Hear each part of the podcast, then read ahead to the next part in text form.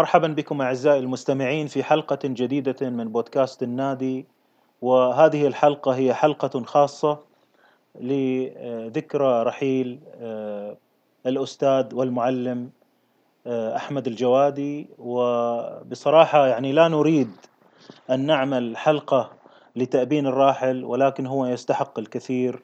وأعدكم أن هذه الحلقة ستكون حلقة تروق للأستاذ لأن معي اليوم آه، أساتذة وفنانين آه، ودكاترة لهم علاقة قريبة جدا معي الدكتور فتح الله ومعي الأستاذ خالد محمد علي ومعي الدكتور أسامة عفيفي.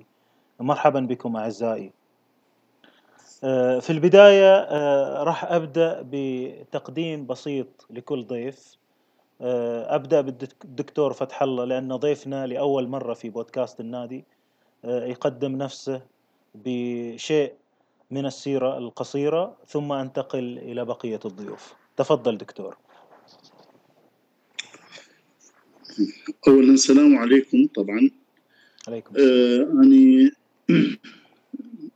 دكتور فتح الله أحمد آه من العراق. موسيقي مؤلف موسيقي وعازف تشيلو و...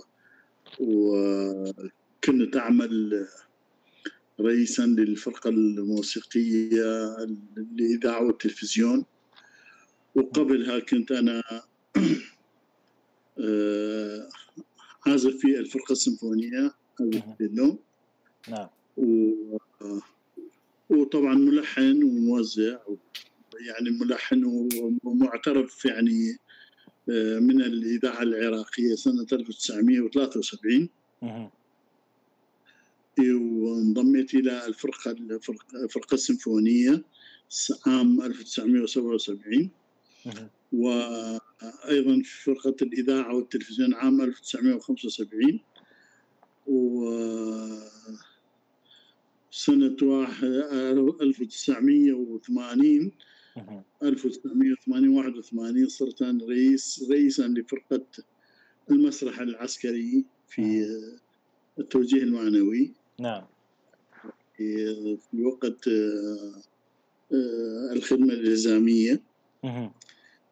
آه، وراها أنا كنت طبعا تخرجت من معهد الفنون الجميلة وشغلت اشتغلت أستاذ في معهد الفنون الجميلة آه، ورئيسا للفرقة فرقة الاذاعه والتلفزيون الفرقة المركزية. وأستاذ محاضر في آه، كلية الفنون الجميلة. قسم السمعية والمرئية. وأيضا أستاذ في آه، كما ذكرت في معهد الفنون الجميلة قسم الموسيقى. إلى أن آه، غادرت العراق سنة 1991 بداية 91 بالضبط. الشهر الثالث آه، رحت درست في جامعة اليرموك في اربد في الأردن في قسم الفنون الجميلة. نعم. قسم ووراها يعني انضمينا في مجموعة من مجموعة العمل مع فنان كاظم الساهر. طبعا ارتباطي كان مع فنان كاظم الساهر منذ يعني هو كان كان دخل عندنا في المسرح العسكري. دخول عسكري سنة 1981 أو 80 يمكن. واستمر إلى إلى لحد الآن تقريبا. نعم. فتوزيع وقيادة الفرقة الموسيقية وتشكيل الفرقة الأوركسترا الكبيرة في حفلات في عروض في مهرجان جرش وبابل وقرطاج. إيه نعم. و... و...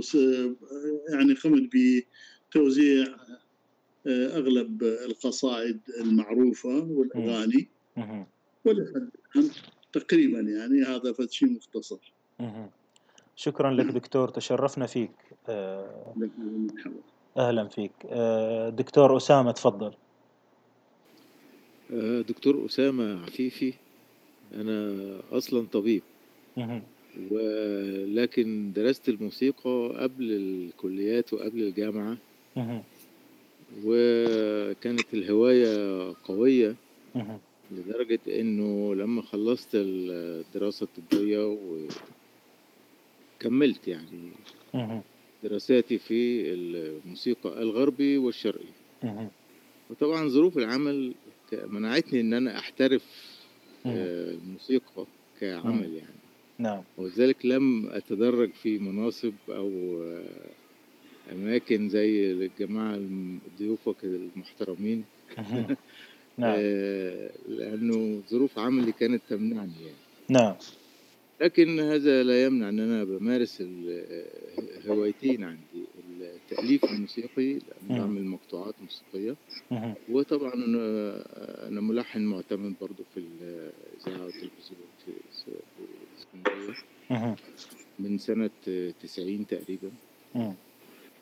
وعملت بعض الأعمال إلى أن توقف إنتاجهم فأنا كمان آه، توقفت عن إنتاج لهم نعم. والنقد النقد الفني والنقد الموسيقي. نعم. جميل. طبعا أنت حضرتك عارف آه، موقع مم. كلاسيكيات الموسيقى العربية.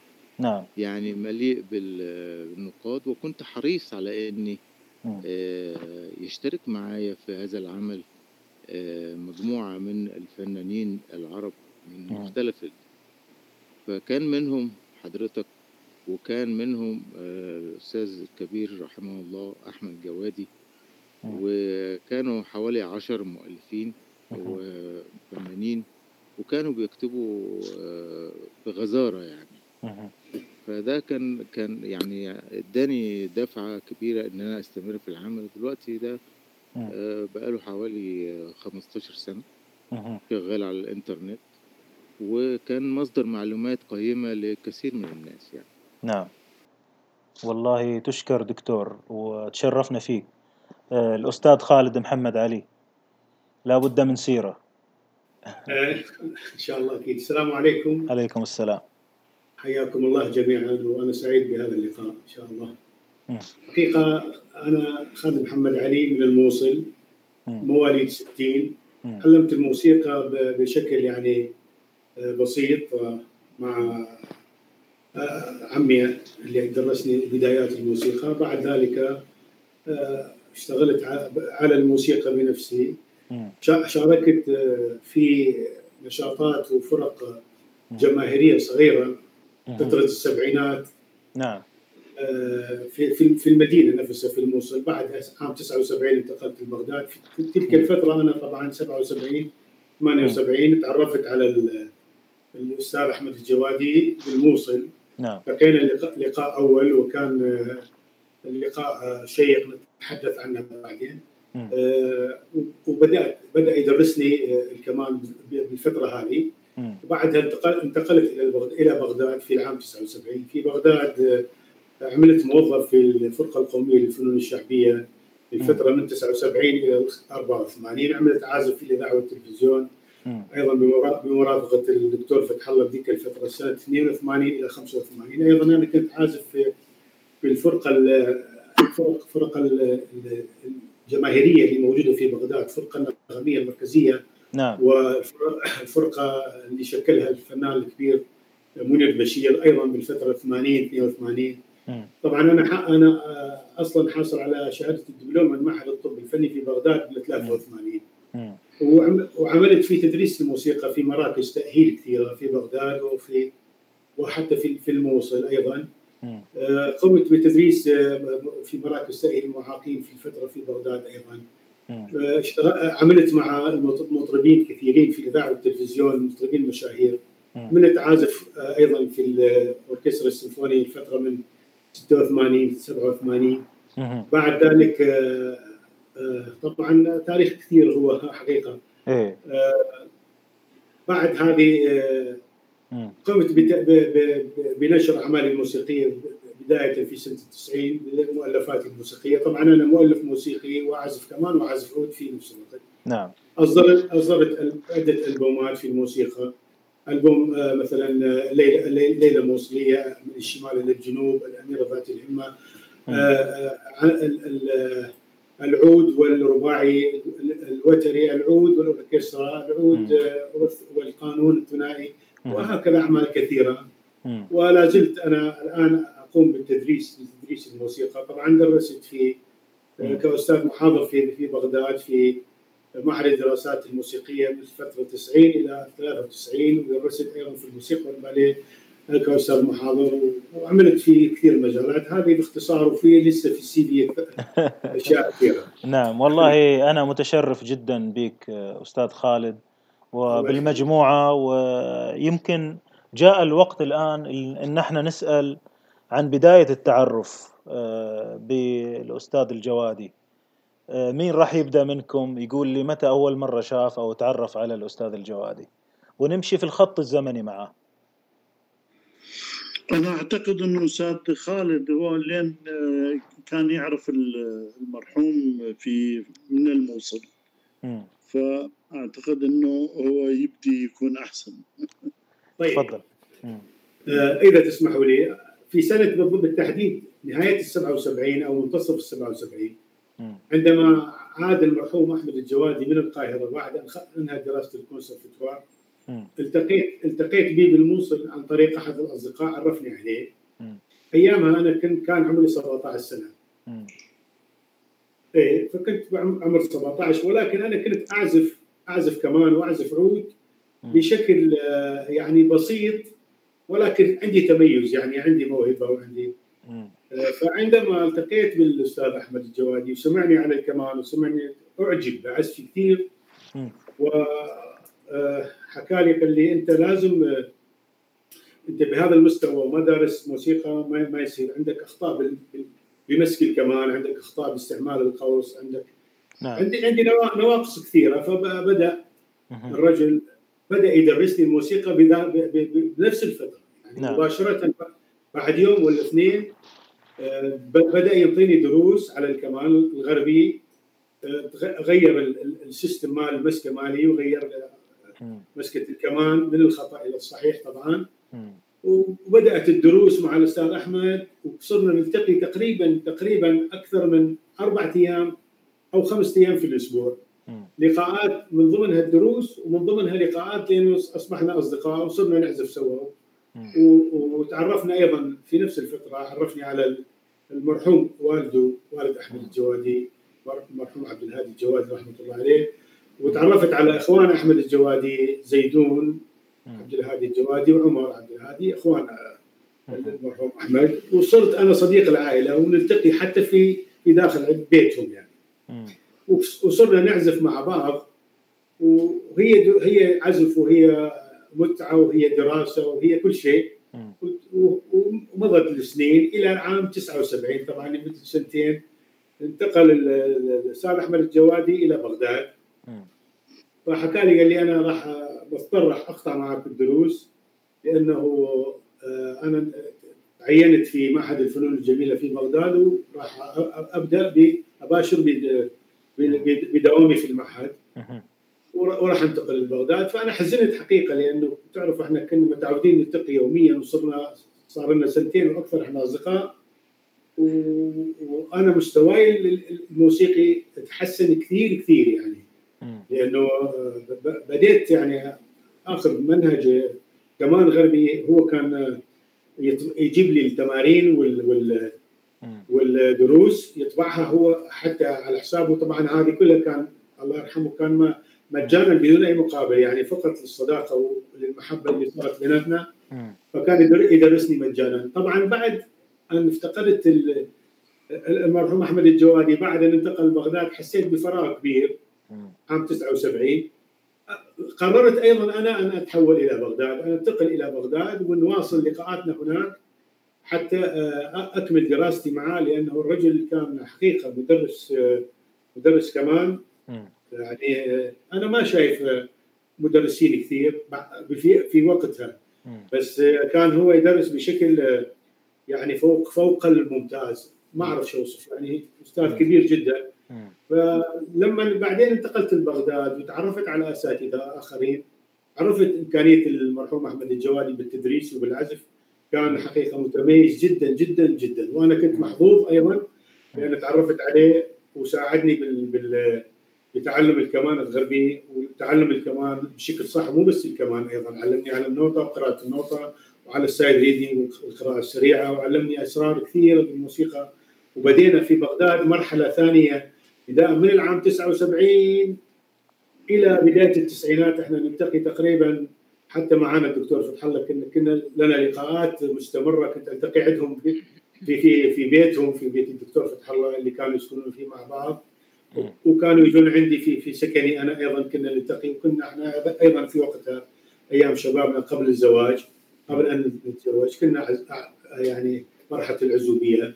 وبدينا مشوار آخر. أنا انطلقت به من ال 79 إلى ال 90 وبعدين آه هذا كله في بغداد. وفي بغداد بعدين التقيت ما تعرفت أيضا على الدكتور فتح الله وتعرفت على فنانين كثيرين في بغداد. أنا ايامها كان عمري 19 سنة تعرفت على منير بشير على غانم حداد على فنانين كبار كثيرين نعم. وبدات المسيره هناك. نعم هذا باختصار يعني. نعم. إحنا راح نرجع ونضيء إضاءات آه، وحديث أعمق في في هذه المحطات اللي ذكرتها. خلينا ننتقل إلى الدكتور فتح الله. نعم. أه والله يعني ذكرياتي مع أخي العزيز المرحوم أبو مصطفى يعني صعب جدا إنه أنا أحصرها في في حتى في ساعات. لأن لأن الشيء الغريب جدا أنه ورا أنا ما التقيت بشخص مثله. أكون صريح معك يعني يعني حتى أخي إخواني أنا ما كنت أرتاح لهم مثل ما كنت أرتاح مع أستاذ أحمد الله يرحمه. فكان إنسان بمعنى الكلمة. إنسان بمعنى الكلمة لأن شخصيته جدا شفافة. إنسان بسيط جدا وشفاف جدا ومحبوب جدا ويعني ما يعني شخصيته إنه ما, ما يضايق منه أحد ابدا نهائيا. وبعدين آه، خدوم آه، يعني معشره حلو جدا. أنا كيف تعرفت عليه؟ أنا كنت طالب في في في المعهد مع الفنون الجميلة. آه، كنت يمكن في في السنة الأخيرة. فسنة 77 لا مو مو الأخيرة يعني قبل الأخيرة. سنة 77 سمعت إنه جاء أستاذ آه، من الموصل آه، هو خريج آه، كونسرفتوار القاهرة. عازف كمان. نعم. بصراحة كيف يقول الطيور على أشكالها تقع؟ هكذا يعني صدفة إنه صار أمامي وواحد حب الثاني. يعني من, من أول لقاء. نعم. فارتاحت له وارتاح. نعم. فصرنا إنه هو أيضا يعني مباشرة جاء اشتغل في الإذاعة. في الإذاعة إحنا كان كان كانت عندنا في الإذاعة كذا فرقة. آه، كانت عندنا فرقة كنا نبدأ من ساعة واحدة إلى ساعة آه، أربعة أو خمسة. إلى ساعة أربعة. فهاي كانت يعني نخبة من الأساتذة والعازفين المتميزين. من الشباب من يعني كان أوركسترا كان يقود الفرقة المرحوم آه، الأستاذ حسين قدوري وكان رئيس قسم الموسيقى في معهد الفنون الجميلة. فإحنا كلنا يعني كان أي واحد مثلا واصل إلى مستوى زين فكان يجي يجيبه وينضم للفرقة هاي. وكان يعني شبه أوركسترا يعني يعني بها تشبيهات وبها هوائيات وبها آه، ينكتب تنكتب يعني كمان صح يعني هو كان يكتب أستاذ حسين القدومي واحيانا كان المرحوم آه، أحمد الجوادي كان يكتب ووراها أنا هم بديت أكتب يعني أساعدهم. فاللقاء صار هالشكل آه، بعدين كنا نطلع من ساعة أربعة كنا نروح نتغدى. ورا الغداء كنا نروح لاوركسترا السيمفوني هو كان leader مال second violin يعني الكمان فأنا كنت عازف في في في, في الأوركسترا عازف تشيلو فظلينا يعني فكنا نطلع ساعه بالتسعة. يعني بالتسعة كنا نطلع من الأوركسترا. ورا الأوركسترا كنا نطلع إنه إحنا طبعا من الصبح طالعين هو المعهد والإذاعة والأوركسترا وكنا نروح كان بجنب الأوركسترا مقر الأوركسترا كان في نادي نادي اسمه نادي التعارف. كنا نقعد هناك ونلتقي مع الخبراء الأجانب اللي كان السوفيت الموجود في وقتها. فكنا نقعد نناقش وكنا نلتقي بشخصيات آه، أدبية مثل آه، الشاعر الكبير آه، المرحوم عبد الرزاق عبد الواحد وغيره وغيره. فكان صار نقاشات أدبية فنية حلوة. وكان ويانا كان ويانا المرحوم الأستاذ أسعد أسعد إيش؟ خالد والله نسيت اسمه. أسعد محمد علي. محمد علي. وكان جون جون بشير وكان آه، أخو آه، منير بشير أيضا شو اسمه؟ فكري بشير. فكري بشير.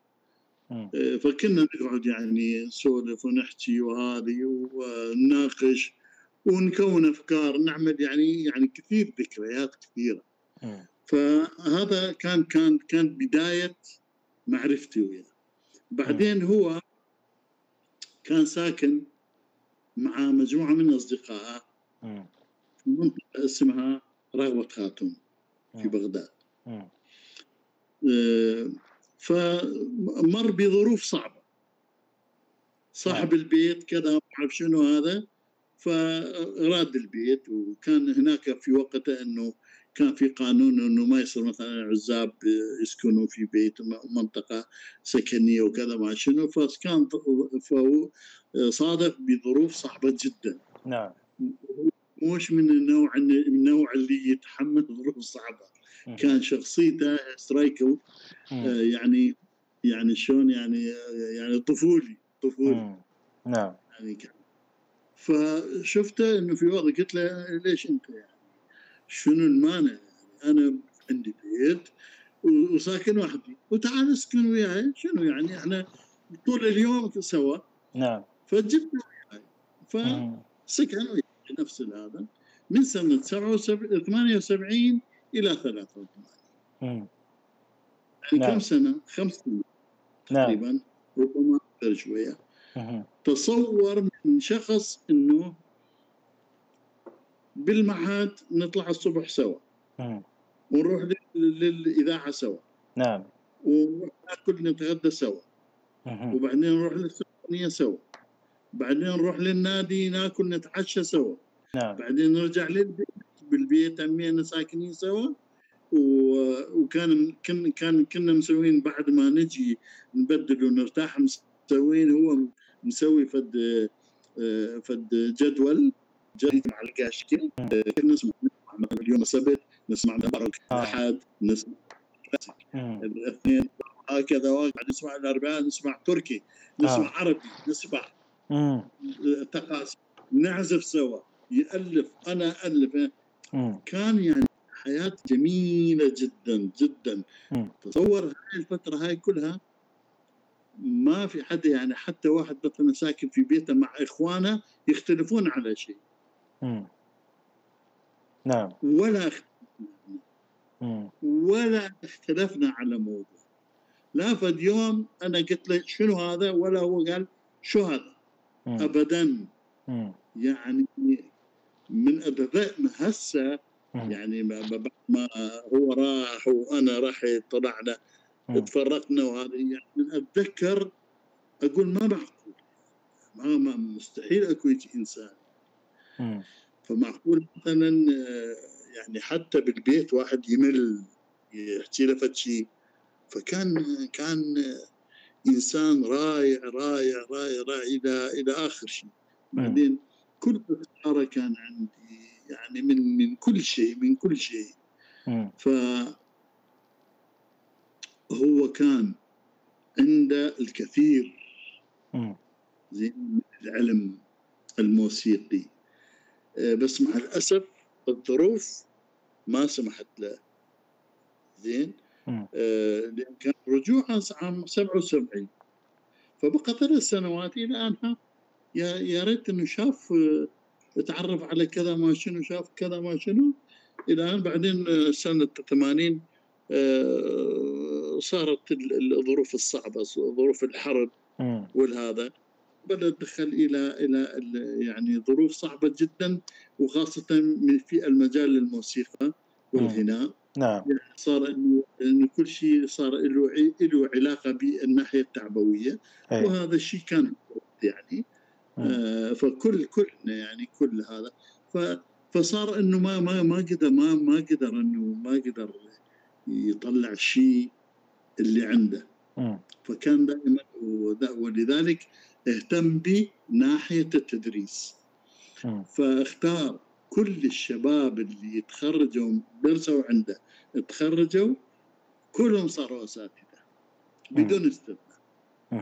كل واحد جيد هو طالب اساتذه زين؟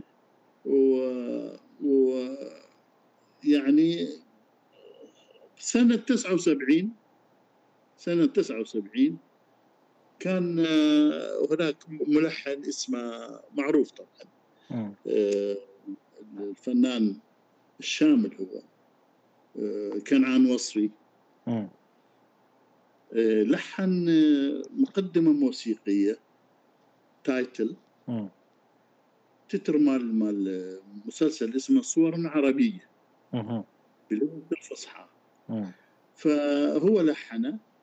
فقال لي إنه أنت غنيها بصوتي. نعم. أنا بصراحة ما كان عندي طموح أغني دائما. ظروفي العائلي كذا ما شنو يعني إنه ما حبيت إنه نعم. خلص يعني اقتنعت إنه اكون موسيقى. نعم. ف قنعني أحمد إنه قال لي غنيها. فهو وزعها هو وزعها آه، لحنها كان عن وصفي هم من الموصل. اي نعم. نعم. وأنا غنيته آه، فالتايتل اشتهر كثير يعني. كثير اشتهر. نعم. زين؟ ووراها سنة 1980 يعني بعد سنة. نعم. أنا كلفوني أسوي النشيد القومي لدولة أذربيجان. فأنا لحنتها وغنيتها وجلتها بس هو اللي وزعها. وزعها بشكل وزعها بشكل مميز جدا يعني. كان عنده آه، رؤى جميلة وحلوة وشفافة جدا. ف يعني آه، هو هذا يعني يعني ذكرياتي كثير كثير حلوة يعني. كان هو يطبخ يطبخ رز. رز بشكل آه، طعم جدا يعني. زين ورز والدجاج. عند كان عنده طريقة جديدة جدا يعني كذا نحب. فهو دائما كان ياخذني على محل يعني من كثر ما هو طبعا ساكن في درس في مصر وكذا فكان في عندنا منطقة اسمها المربعة. كان يسكنون بها. تدخل هناك كأنك داخل في سيدنا الحسين يعني. نعم. كان يأخذني علمني إنه آكل آه، شو اسمه آه، فطير مشلتت فطير باللحم. وكان يحب الأكلات الها فيجي يعني آه، ذكريات جميلة جميلة جميلة جدا. الله يرحمه الله يرحمه. إحنا لازم نرجع نتوقف عند محطات تفصيلية معك دكتور فتح الله. شكرا لك على هذه التغطية زمنية. نتوجه للدكتور أسامة. بداية التعارف وعن اللقاء. الحقيقة علاقتي بالأستاذ المرحوم أحمد جوادي آه، كانت علاقة يعني غير متوقعة. أولا أنا بحثت عنه. وما جاتش بالصدفة يعني. أنا كنت ساعتها ببحث عن يعني آه، قامات فنية تقدر تشاركني في التحرير في موقع كلاسيكيات الموسيقى العربية. نعم. فأنا وجدت فيه إن هو عنده يعني استعداد وعنده موهبة عالية وكم غزير من المعلومات فاتصلت بيه ورد عليا ورحب الحقيقة آه وكان ما كانش لوحده كان يعني في مجموعة أخرى ومنهم اتنين آخرين من العراق أيضا كان أستاذ شلبي وأستاذ علي عبد الأمير ثلاثة من العراق. نعم. وكان في ناس من دول تانية. الحقيقة لم أتوقع إنه العلاقة بيني وبين أحمد جوادي تبقى علاقة إنسانية وإحنا لم نتعارف ولم نلتقي أبدا. لكن تطورت بشكل عبر الإيميلات وعبر الرسائل وعبر المشاركات في التحرير إلى علاقة إنسانية حبيته كإنسان. لأنه وجدت إنه هو طريقة التعامل عنده شيء يعني جميل جدا وحسيت إن في إنسانية موجودة في علاقته بالموسيقى مش مجرد إن هو موسيقي محترف وخلاص لأ هو في حب حب للفن وحب للناس ولقيته بيتعامل بطريقة كمان فيها عمق. لما بيجي يتناول موضوع عنده يعني عنصرين قلما يتواجدوا في في نفس الإنسان. عنده تصور هيكلي للموضوع اللي بيتكلم عنه بحيث إن هو يقدر يعمل تبويب وتصنيف للأشياء بحيث إن يظهر لك الخريطة كلها. وفي نفس الوقت عنده قدرة على تناول أدق التفاصيل في هذا الهيكل عندما يأتي الأمر للتفاصيل يذكرها بعناية تامة وبقدرة فائقة على التناول من الزمن من الاصطلاحات من التعبيرات من كل شيء دقيق فيه. وفوق كل ده عنده استعداد للعطاء غير معقول. هو بيتكلم مع ناس هو عارف إنه ممكن اللي بيسمعه أو يقرأ له يكون موسيقي فاهم أو مش فاهم. هاوي. نعم. هو بيتحدث مع الفئتين بطريقة إن هو توصل له المعلومة بطريقة وافية وبطريقة واضحة ويعني لا يمل. طبعا الإنسان بهذا الشكل وبهذا الحب يعني العطاء إنسان تحرص على علاقتك بيه وتحبه من غير ما تشوفه. لكن لما شفته بقى يعني ده كانت فرحة كبيرة يعني الحقيقة. أنا التقيت بيه عبر الإنترنت سنة 2009 وابتدى معايا المشوار من سنة 2009 لحد 2017 كلمني مرة من القاهرة وقال لي أنا في القاهرة. وأنا سعيد بعودتي للقاهرة لكن أنا عايز أجي اسكندرية. قلت له أهلا وسهلا. فجه هو والمدام معاه وتبادلنا الحديث يمكن ذكرت لحضرتك قبل كده. تبادلنا الحديث عن الموصل وأنا بالمناسبه يعني أشكرك أستاذ فاضل لأنك أحسنت الاختيار أنت يعني استضفت شخصيات من وطن عزيز عليا العراق نعم. أنا بعتبر بلدي الثاني والموصل مدينة أنا عشت فيها وحبيتها كتير وحبيت ناسها. فالمهم تبادلنا الحديث واتضح إن هو كان في القاهرة بيدرس موسيقى وأنا كنت في جامعة الموصل بعمل كطبيب في هذا الوقت. وتبادلنا الأدوار بعد كده. كل واحد راح في طريق إلى أن التقينا. طبعا كناش نعرف بعض. وأنا يعني دلوقتي أنا بسأل نفسي إزاي أنا كنت في الموصل في الوقت ده وكان في موجود أحمد جوادي ولم ألتقي به وكان موجود الأستاذ خالد محمد علي ولم ألتقي به وأنا في الوقت ده ما كنتش أمارس الموسيقى. يعني كانت وقفت الموسى ووقفت الممارسة لأن أنا سافرت خارج مصر. نعم. لكن في بلاد أخرى لما التقيت بموسيقيين عودت النشاط حتى نعم. خارج مصر. نعم. آه فالحقيقة آه، كمل معايا هو لما لما جاني. قال لي القاهرة توحشت يا دكتور أسامة. مش هي دي القاهرة اللي أنا أعرفها. هو بيتذكر 77 وما قبلها نعم. لما كانت القاهرة لسه على هدوء يعني. نعم. فقال لي أنا أنا ما جيتش اسكندرية قبل كده والبلد دي حبيتها من أول نظرة وأتمنى إن أنا أرجع تاني. قلت له دي بلدك وتيجي في أي وقت واهلا وسهلا. ف لكن القدر بقى يعني لم نعم. يهمله لأنه كرر الزياره مره أخرى نعم نعم. لكن الحقيقة الاستاذ أحمد جوادي من الناس المعدودين اللي هم عندهم خبرات عميقة جدا بالموسيقى الغربي والشرقي. يعني أنت عارف حضرتك إنه في الموسيقى عندنا في المنطقة العربية عموما في اتجاهين ماشيين متوازيين وعادة لا يلتقوا. موسيقى غربي كلاسيكي وكده.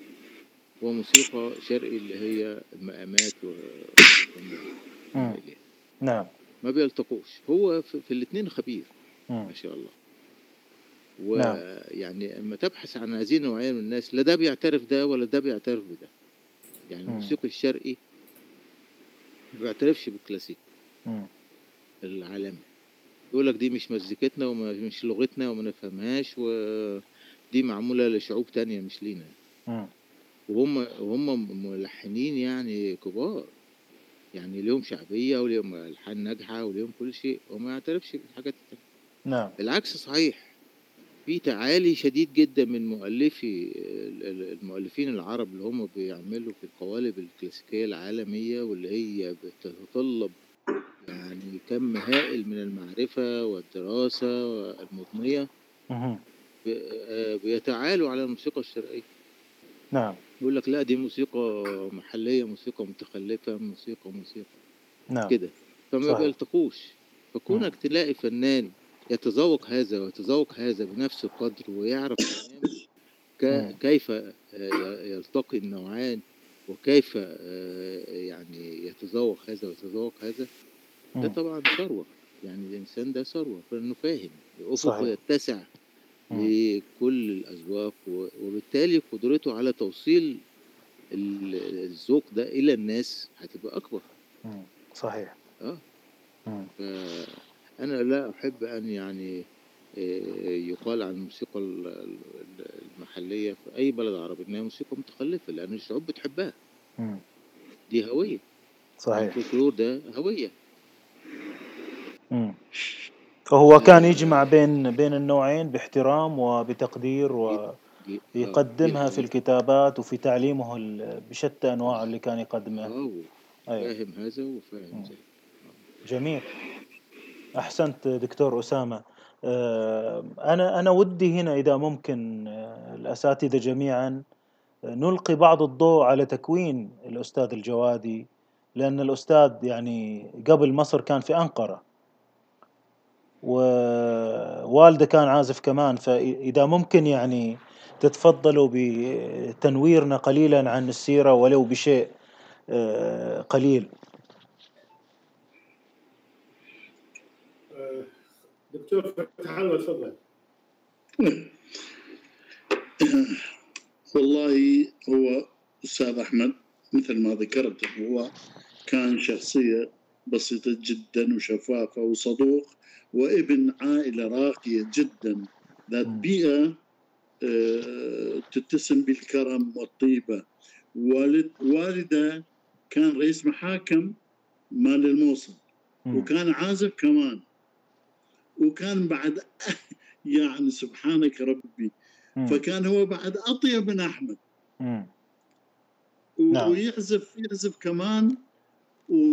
وثقافته الموسيقية أو ميوله الذوقية في في حبه للموسيقى كان كثير قريب من من ما أنا كنت أحبه.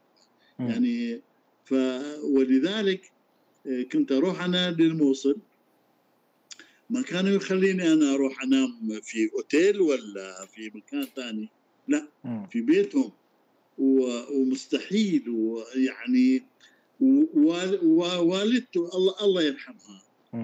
بنت رئيس وزراء سابق يعني. أرشد العماري زين. واخوه زيدون كان يعزف أكورديون. كان يعزف جيتار. عمر عمر. عمر. أيوه. كان يعزف أكورديون وجيتار. زيدون أنا ما شفته. اللي كان في أمريكا ما شفته.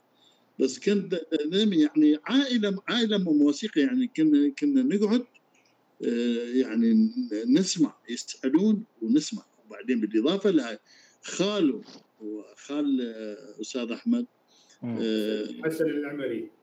العمري. حسن العمري. إيه. فمن الشخصيات اللي المعروفة جدا في الموصل إنه كانوا يراعون الفنانين والأدباء. أنا مثلا التقيت مرة في بيته كان هو عازم آه، مجموعة من الفنانين من ضمنهم صباح فخري. كان جاي على مهرجان ربيع في الموصل. فقعدنا التقينا فأنا أيضا هم غنيت يعني قدام صباح ويعني يعني عائلة جميلة جدا. ويعني آه وأبوه كان يعزف آه كمان وكان يقسم جميل جدا. أيوه. إذا تسمح لي دكتور أعلق شوي آه طبعا آه بصفتي كنت أيضا أتواجد مع المرحوم أحمد والعائلة في بيتهم أيضا. بالفترة اللي أنا كنت بها بالموصل. فعندي آه عندي آه يعني اطلاع على الموضوع. والد م. أحمد عبد الهادي الجوادي رحمة الله عليه كان هو يعزف قانون. نعم. وكان يعزف ناي. الاله الالته الرئيسية على ما أعتقد هي الناي. وبعدين يعزف قانون وبعدين يعزف كمان. يعني يتناوب على ثلاث آلات موسيقية. وفي احدى إحدى التسجيلات حقيقة اللي اللي اللي سمعني اياها المرحوم أحمد. من زمان هذا أيضا بالسبعينات كان والد أحمد يعزف الفيولا فيولا. فيولا نعم. وكان أحمد يعزف وكان أحمد يعزف كمان. كان مع مسجلين سماعيات. على الكمان والفيولا يعني أحمد بالكمان والمرحوم أبوه الله يرحمهم اثنين بالفيولا. نعم. آه، بالنسبة لإخوان أحمد آه، هم طبعا أصدقائي. عمر من جيلي بالضبط. عمر الآن دكتور عمر طبعا عايش أعتقد بكندا قبل فترة تواصلت وياه. آه، عمر عازف اكورديون شاطر كثير. كان يعزف الاكورديون باستخدام الايدين الاثنين وكان طبعا أحمد مساعد كثير قراءه النوتة كان يعزف بعض المقطوعات بسيطة يعني كان عازف جيد جدا. أكورديون بوقتها ما كان العازفين يستخدمون الإيدين بالأكورديون كانوا يعزفون بإيد واحدة. هو كان نعم. يعزف بالإيدين. نعم. وكان أخوه الأكبر طبعا الوسطاني بالضبط هو زيدون. مم. زيدون كان عازف جيتار كلاسيك جيتار أكوستيك جيتار يعني يعزف نعم. نعم حقيقة أنا ما سمعته بس آه، يعني سمعت من أصدقاء من أصدقاء زيدون كانوا بعض التسجيلات يعزفون سوا يعزفون مقطوعات غربية. العائلة كلهم الأب وأحمد الله يرحمهم وزيدون وعمر الله يعطيهم طول العمر كلهم موسيقيين وكان لقائي أيضا بهم هناك تعرفت على خالهم المرحوم حسن العمري.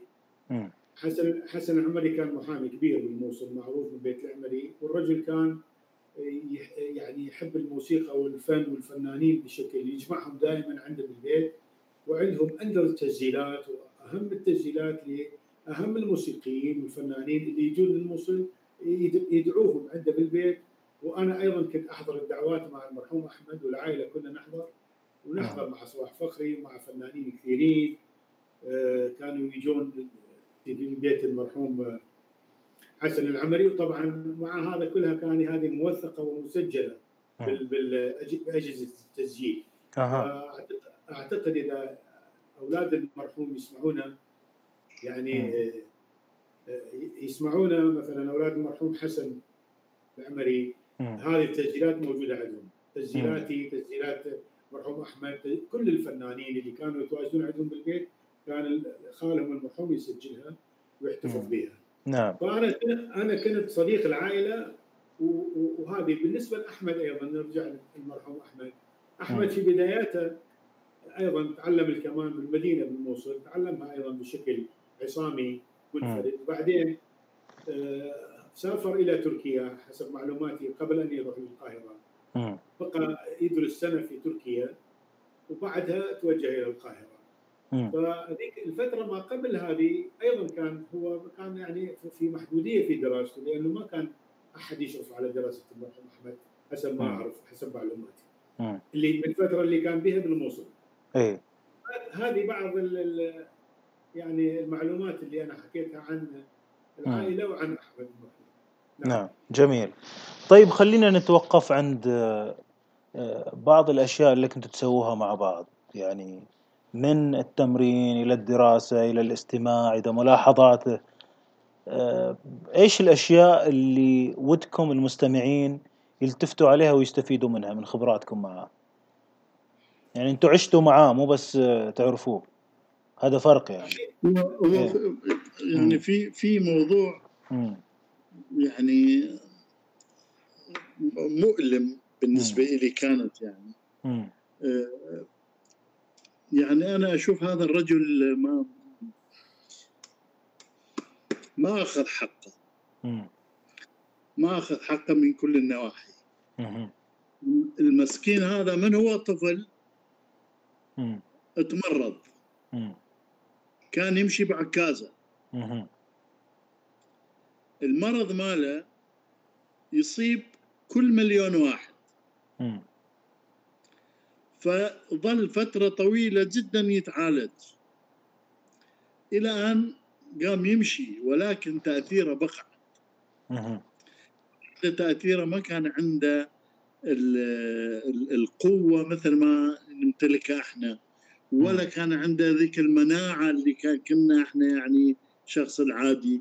ولذلك كان جدا يعني ما عنده تحمل يعني آه، يعني بما معنى إنه ضعيف القوة. فكان دائما إنه يحتمي بصديق فكان هو آه، أكثر واحد يثق به أنا. لأن أنا يعني أكثر من من أخ. يعني آه، إحنا إذا باليوم 18 ساعة سوا. بس بس يدخل الغرفة ينام الصبح نقعد صباح الخير وهم نفس الموضوع. فكل أسراره كل شيء عندي فأنا كنت كنت أت... يعني إحنا كنا كبلد كنا محتاجين أشخاص مثله. بس مع الأسف إنه إحنا آه، ما ما ما ما أخذ حقه ما ما أخذ حقه مثل الآخرين. مثل الآخرين ما أخذوا حقهم الزينين.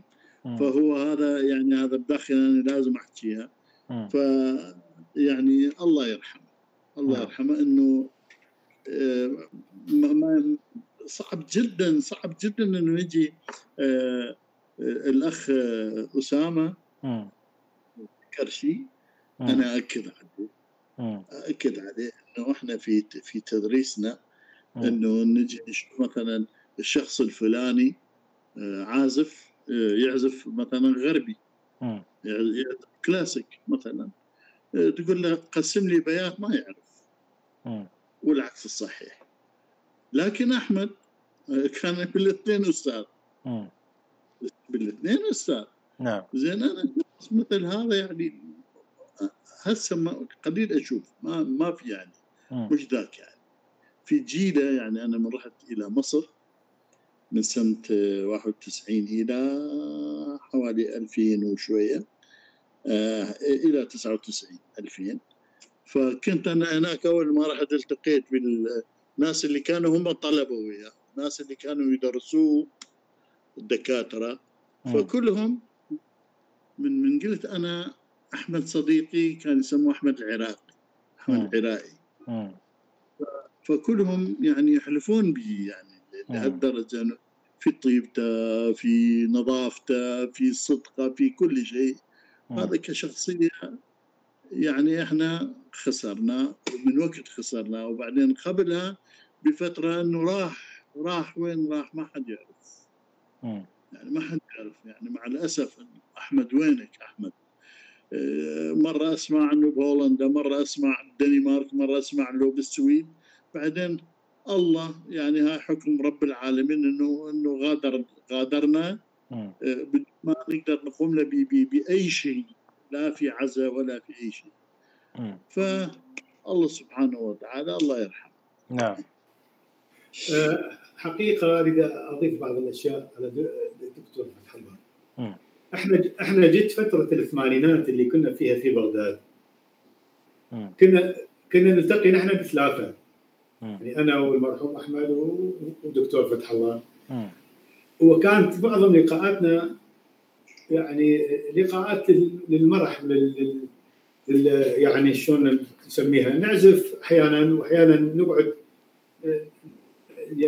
يعني نحكي نكات أو نضحك أو نمرح أو أو نروح مثلا مطاعم في بغداد يعني نلتقي في مطاعم وكذا. فكنا أيضا نحن الثلاثة عندنا لقاءات وللأسف أنا عندي بعض أكو بعض التسجيلات اللي هي من الثمانينات اللي كنا نسجلها حتى في في في, في مجال ال ال اللهو. اللهو والمزحه تتذكرها دكتور والله. نعم. محتفظ محتفظ بها طبعا ما كنت أتوقع أنا إنه راح تصير هي هذه فد شيء مهم جدا. إحنا كنا نسجلها هيك بعفوية وببساطة وحتى نطلع نوت مرات ونقعد نعزف النوت بالعكس أو بالمقلوب أو شيء. يعني هيك شغلات كنا إيه. آه نمارسها في, من, من باب الفسحه والمتعة وال والمحبة. كانت بيناتنا محبة عجيبة غريبة يعني. إحنا إحنا الثلاثة أيضا. يعني كنا دائما نلتقي أنا والدكتور فتح الله واحمد الجوادي كنا نلتقي كثير يعني. إذا عندهم بالبيت أروح أو يجون عندي عندي بالبيت أو نلتقي في مطعم ما ونطلع نتغدى أو بالإذاعة والتلفزيون أو بالمسارح. أحيانا نلتقي لقاءاتنا كثيرة. ومع الدكتور فتح الله أنا أيضا فترة طويلة إحنا كنا حتى بالجيش بفترة العسكرية والجيش كنا سوا. وكنا نلتقي مع المرحوم أحمد. أنا راح أقول كلمة بالمرحوم أحمد. من خلال تجربتي ومعايشتي معه في بغداد وفي الموصل المرحوم أحمد كان رجل بس بداخله طفل هاي الشخصيه الهستريكال يسموها نعم. بداخل طفل بداخل رجل. بريء جدا. يعني آه، بسيط جدا. محبوب كثير. أليف. ما يعني تحس إنه آه، ينسجم مع اي مع أي إنسان بلحظة. أي إنسان يشوفه لأول وهلة يحبه على طول. وجه صبوح محبوب. آه، محب للخير يساعد الناس في كل شيء. يحب يساعد الناس بأي شيء. ما عنده بخل اطلاقا ما يعرف شيء مصطلح اسمه بخل. ابدا. على الرغم من كل شيء. نروح مثلا أنا وهو ودكتور فتح الله ندخل مطعم يركض هو حتى بس يدفع آه، فاتورة الأكل مقدما. يا أخي تصبر علينا شوي. ابدا. كان شيء شيء رجل هذا عجيب جدا. نعم. آه، أما أنا معاي ذكريات غير أنا كان استاذي هو نعم. واخي نعم. صديقي. مم. يعني كأستاذ ولا أتكلم كأخ وكصديق. نعم. تصور أنا سنين إذا علمني ويدرسني نقعد إيه. مع بعض. يعلمني يقول لي اليوم جبت لك هاي التمارين يستنسخها هو. إيه. يروح ياخذها من الأصل ويوديها على ال copy يسوي له copy ويدفع فلوسها ويجيبها له يتفضل إيه.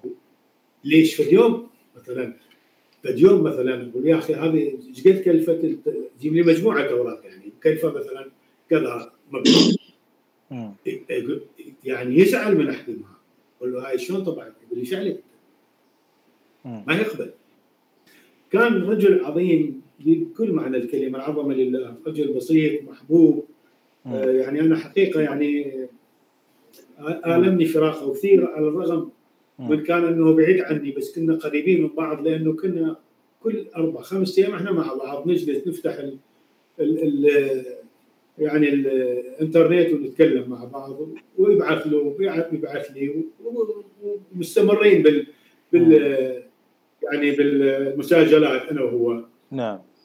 وأيضا تصور أن يعني بكثرة تواصلي مع معظم أصدقائنا يسألوني عنه.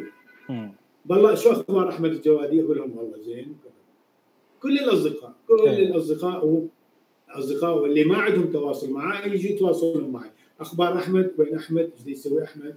فانا كنت أوصل له واقول له فلان سال عنك وفلان سلم عليك وفلان هالشكل فلان. وسبحان الله يعني يعني من راح للسويد هاي خلص انتهت.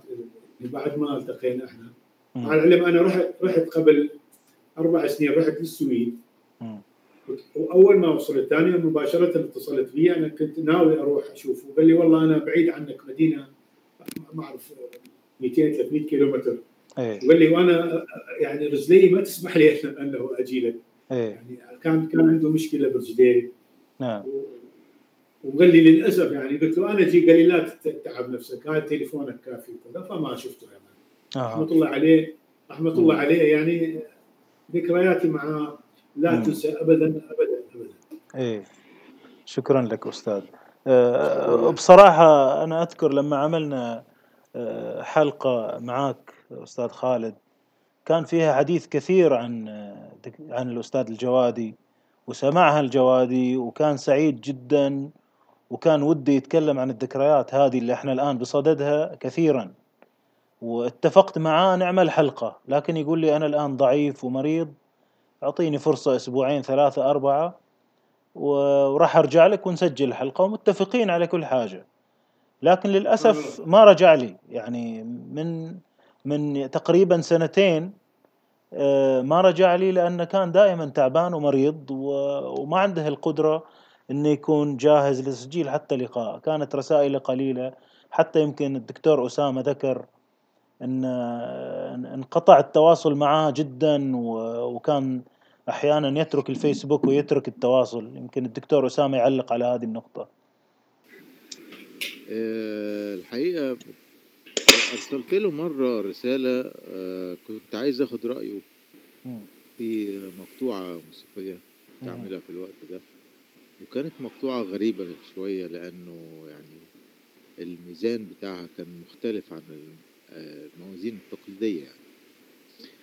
فقلت له إيه رأيك؟ فقال لي رأيه واكتشف طبعا إن هي على ميزان مختلف وراح مديني أمثلة من هو عامل نفس الميزان ده قبل كده في حاجات في بعض أعماله يعني. المهم في الوقت ده قال لي أنا هسجل تحليل لموسيقى موكب النور لمحمد عبد الوهاب. بكرة. نعم. فانتظرت بكرة ما مفيش حاجة تاني يوم مفيش حاجة تالت يوم مفيش حاجة. بعد أسبوعين هو نشر التحليل. وحتى ذكروا باسم مولد النور ومش مش موكب النور. هي ما أعرفش اختلف عليه الاسم نعم. لكن نشر التحليل. أنا ما شفتوش. آه شفت بعد كده بالصدفة على الفيسبوك آه رسالة منه للجميع.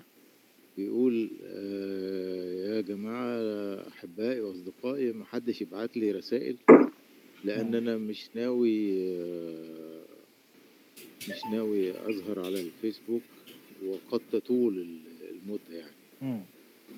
فأنا اتأثرت بالكلام وحاولت أتصل بيه معرفتش وهو كتب تحذير أنه آه مفيش داعي تبعتوا لي رسائل لأني لن أفتح الماسنجر مرة تانية آه. هذا قبل وفاته بأسابيع يعني مم. فهو كان كان كان صحته يعني ما كانتش مساعداه وكان الضغط النفسي كان بيتأثر أحيانا بأقل شيء صحيح يعني كلمة بسيطة ده مرة عمل نشر مقطوعة موسيقية ونشر معاها على فيديو على الفيسبوك. وبعدين الناس عملت له like زعل. مم. طب أنت زعلت ليه؟ مش الناس عاملة لك like. أنت زعلان ليه؟ مم. فهو رد قال يعني أنت لما تعمل لي like بعد دقيقة أو بعد دقيقتين يعني أنت ما سمعتش حاجة يعني أنت عاملها كده أي كلام. صحيح. ليه ده عدم احترام وده عدم تقدير و و و. فرديت عليه قلت له يا أستاذ أحمد الناس من حبها فيك بتعمل لك like على أي حاجة تكتبها. وبعدين أنا أنا شخصيا ممكن أعمل لك like على أي كلام تكتبه وبعدين أقراه على مهلي بعدين مش مشكلة. ما الدنيا يعني. نعم. هو تقبل هذا الموضوع يعني. دول الناس أيوة. بتحبك. ويعني هتعمل لك like دلوقتي حتى انت لما بتعمل like في الفيسبوك بتسجل عندك في ال timeline تقدر ترجع له ببساطة يعني هو مش هيروح منك. صحيح. تقدر ترجع له في أي وقت بعد يوم بعد اتنين تكون عندك فرصة. طب انت ضامن كل الناس تتفرج عليك أو ت... ت... تسمع كلامك في نفس اللحظة دي هيكون عنده وقت ويكون عنده يكون مشغول جايز يكون مشغول. صحيح. فتقبل هذا الكلام يعني لكنه أنا بدي لك مثال على إنه كان حساس زيادة شوية. جدا جدا. كان يبذل جهد كثير في الأشياء اللي يكتبها ويفكر فيها ويقدمها ويتوقع أن الناس تستفيد أو تستمتع و... ودائما أنا أنا صراحة ما ودي أتكلم عن علاقتي فيه علاقتي صغيرة قدام الأساتذة يعني لكن كثير ما شفته يتحسس وزعلان من كل حاجة من الأخبار من وضعنا كلنا. من آه، اهتمام الناس توجههم الخطأ أولوياتهم الخطأ آه، كل شيء كان حساس من كل شيء يعني حساس جدا إيه. جدا نعم. جدا آه. نعم اشتكى لي من القاهرة قال لي القاهرة ما بقتش زي الأول مم. أنا أنا يعني حبيت اسكندرية عشان الناس اللي فيها أحسن فأنت عارف بقى المدن العواصم دايما بتلم من هنا ومن هنا ومن هنا ملهاش يعني تتغير بالسنين وممكن تقابل أشكال وألوان يعني آه. نعم. هو كان من ضمن ال ال الأشياء الغريبة إنه يعني أنا ممكن أكون في بلد آه، أتعلم اللهجة بتاعته وأتفاهم مع الناس بلهجتهم موجود في كل مكان. لكن أكتبه. أكتبه باللهجة دي. يعني ده شيء زايد شوية. هو كان بيرد عليا رسائل أحيانا بيتكلم باللهجة المصرية مكتوبة. تخيل؟ نعم. هو كان يعني عايش الجو المصري. أيوه. إيه وتذكر أوقاته اثناء إقامته في القاهرة. فما بيلاقي حد بقى بيتصل بيه. ويستخدم ودنه الموسيقية في إنه يجيد اللهجة. يعني لما تسمع آه يكون عندك قدرة فائقة على السمع تقدر تقلد اللهجة زي أهلها.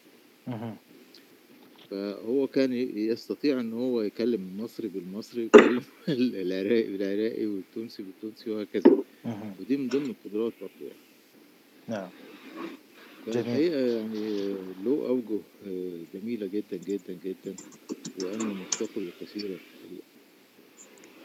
سلمت دكتور. آه، الأساتذة يعني ودي نتوقف عند أشياء تفصيلية. أتوقع أن يستحق الأستاذ أحمد نتوقف عند أشياء تفصيلية عشتوها معاه سواء خصوصا في الموسيقى في, في الأمور اللي الناس تعرفها عنه أكثر. آه، أنا في موضوع لابد من واحد أنه يحكيها بالتأكيد على أنه شخصيته البريئة. أستاذ خالد هو كان شاهد على هذا الموضوع. وأنا أتمنى أنه اقولها معتيه يعني هو شيء آه، مضحك. ونفس وفي نفس الوقت مبكي. يعني إحنا كنا كنا ساكنين طبعا سوا في سنة 83 كنا ساكنين في عمارة في بناية. إنه هاي البناية كل خميس وجمعة. نعم. يعني كان متكون العمارة متكونة من ست طوابق. إحنا في الطابق السادس. نعم. فالطابق الأول والثاني والثالث كلهم أطباء كانوا. يعني يوميا يجون يداومون مثلا من الساعة أربعة ها نعم. أو ثلاثة إلى ساعة تسعة. ويسكرون ويروحون عيادات للأطباء. نعم. الرابع والخامس والسادس سكني. زين؟ فكل خميس وجمعة هذول كلهم يسافرون. نعم. يروحون لأهلهم. يجون الجمعة بالليل أو السبت الصبح يجون يلتحقون بأعمالهم. إنه كنا نبقى أنا وأحمد. نبقى أنا وأحمد. فنرجع هو يروح يوقف سيارته أنا أروح أوقف سيارتي. فأحيانا مثلا بيننا نصير مثلا آه، وقت هيك ربع ساعة نصف ساعة فرق. آه، هو يجي قبل أو أنا أجي بعده يعني. الموضوع اللي صار كان عندنا حارس عمارة اسمه حجي مجيد الله يرحمه. حجي مجيد رجال كبير يعني. نعم. حارس العمارة. نعم. خليه يضحك؟ نعم. فيوم جاي أستاذ أحمد جاي متأخر. طبعا هذول شو يسوون؟ يشغلون الأسانسير فقط لهذا يعني الأطباء. فيجي هذا صاحب العمارة يقول طفي هذا هو كان يريد يطفشنا يطلعنا بس إحنا ما نطلع فيجي يطفي شو اسمه الساعة 9 10 فإحنا من الأوركسترا مثلا الساعة بالتسعة تسعة ونص 10 نوصل للبيت. فنجي نشوف المصعد ما شغال فندقها بالرجل شو اسمه مصعد ست طوابق آه، عند هناك. نعم. بس تعود متعودين. فأحمد جاي وحده. أحمد جاي. فأنا بعدني ما جاي. ف داخل جوا أحمد صعد بالطابق بين الطابق الثالث والرابع شاف إنه واحد واقف ملثم. ملثم. طبعا أحمد يخاف من ظله المسكين يعني. الطفولي يخاف من ظله. نعم. يعني إذا إيش يسوون هذول يطفون حتى الأدوية. نعم. النور ما في يعني ظلام ظلام دامس نعم. يعني بهذا الظلام الدامس يطلع لك واحد ملثم نعم. يعني العادي يخاف يعني. مم. فتصور إنه هو صعد شاف واحد قدامه. صار قدامه واحد ملثم يعني حتى لو واحد شكل يفز يعني. نعم. يخاف. نعم. صعد راح خاف ما يعرف شو يسوي. وبيده كمنجل طبعا مالته فدا يصعد بالطابق الخامس شاف واحد هيك واقف له. فظل بين هذا وهذا. لا خاف. صعد؟ شاف بالضبط الشقة اللي تحتنا بالضبط. فشاف إنه دي يكسرون بالشقق يعني. إيه؟ يعني أكو حرامية. بالشقق بالعمارة. فما أدري شلون كيف هذا وصل نفسه. يقول أنا بآخر لحظة قدرت إنه أخفض الباب. م. يعني كان ناوينا نيه يعني شنو وراه فآخر لحظة أحمد آه الله يرحمه آه حس بالموضوع ودخل نفسه للغرب للشقة قفل الباب هذا. آه أنا كنت نايم كنت نايم كنت مريض نعم. آه كان إنفلونزا إي صح؟ ف إجا شفته ده يرجف المسكين يرجف. فتعال فتعال يقوم قلت له شنو؟ قال هيك وهيك ما شنو؟ قلت له زين إحنا هاي العماره هسه ما بيها أحد. ما بيها أحد. فزين آه، والظلمه كلهم مطفين إحنا فتحنا الباب وهم هذول بعد بالباب يعني واحد ما يجاسر قال أنا سمعت إنه يضربوني يكسرون قلت له هسه تعال نام ندخل إحنا قافلين الباب. زين؟ وإحنا نقدر نحمي نفسنا عندنا سلاح وكذا نقدر نحمي نفسنا. زين؟ ف تعال أنت ما شنو أنا قلبي شباك. أسمع أسمع واحد أوه أوه أثاري هم؟ ضاربين الرجال المسكين هذا حجي مجيد البواب. المهم إحنا قعدنا نمنا ثاني يوم من الصبح الدنيا نزلنا ما في شيء. فرحنا للدوام رجعنا من الدوام شفنا الدنيا كلها سيارات نجدة إسعاف وما شنو قاتلين حجي مجيد. أوه.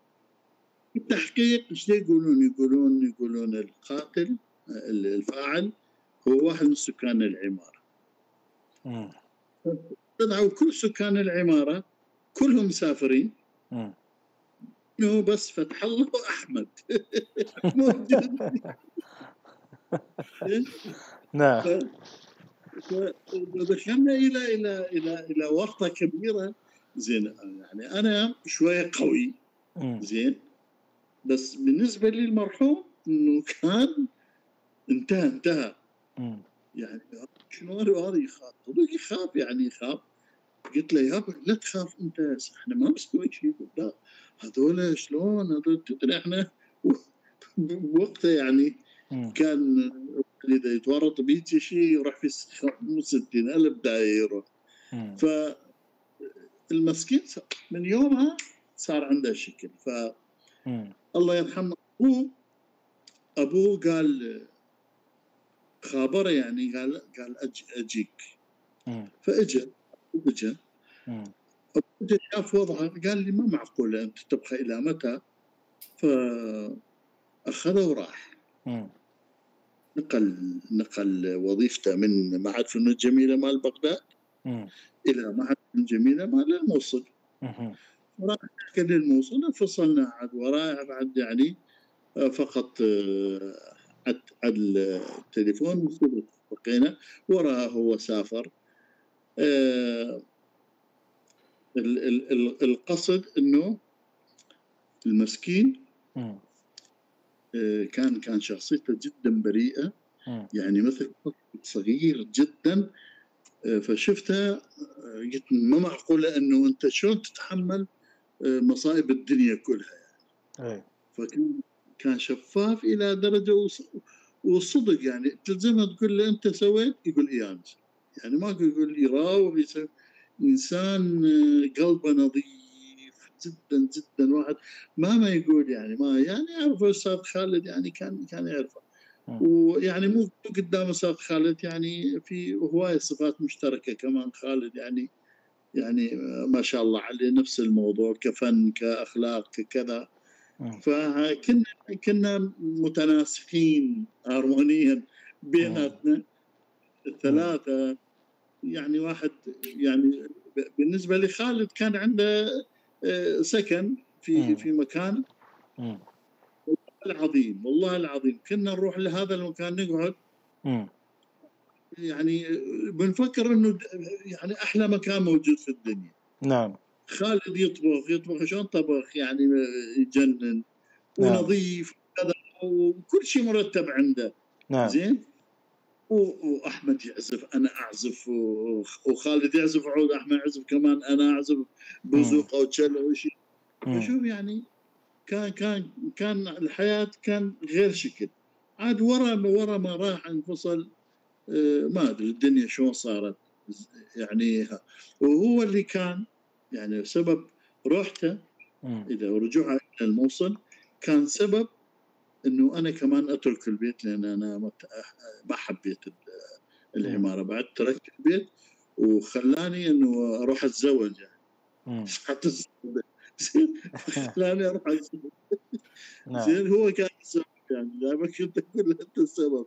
نعم. فطلعت تركت المنطقة تركتها كلها يعني من وراء. ومن وراء يعني يعني هو هذا الذكريات الجميلة المضحكة والمبكي. نعم. طيب الآن هو لما رجع الموصل بعدها سافر ولا هذا جلس في الموصل؟ لا جلس فتره جلس فتره وهناك وصل آه، طلاب حلوين وهسه موجودين. آه، طلاب آه، من من أربيل أكراد. كلهم مستواهم مستواهم جدا زين يعرفوا أستاذ خالد مستواهم جيد وش اسمهم والله أنا نسيت. آه بس أتذكر واحد في السيروان. كان أكو سيروان كان أكو أمانج كان أكو تشيتو محمد صالح كان آه، حقيقة كثيرين كان اعلان كان كثير طلاب كانوا مجموعة من الطلاب وصلهم مستوى راقي جدا بالكمان الغربي. وهسه عندهم أوركسترا سيمفوني باربيل مال رواندوس بس هاي يعني كل واحد منهم صار أستاذ و... وعنده جروب ومجموعة وعنده يعني مؤلفات وعندهم يعني فنانين صاروا نعم. هو وين وين ما كان يذب نفسه لازم يسوي شيء. شعله نعم. طيب آه تفضل أستاذ خالد. عفوا ما كان عنده أنا مثل ما تفضل الدكتور فتح ما كان عنده بخل ابدا بأي شيء. يعني ما عنده طالب يميزه عن واحد. الكل نفس الشيء. يعني أي طالب يريد يتعلم يم الأستاذ أحمد الله يرحمه يعلمه بكل صدق وإخلاص. ما يخفي عنه شيء أي شيء. هاي هالشكل هاي يمسك هاي هالشكل. يعني بكل صدق بكل قلبه كان يشتغل حقيقة. يعني يعني أستاذ خالد تتذكر؟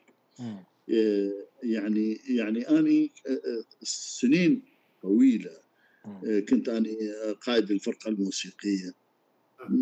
يعني كانوا بي, بي, بي يعني العازفين كلهم ما شاء الله أساتذة. ما شفت واحد عنده نفسية أحمد.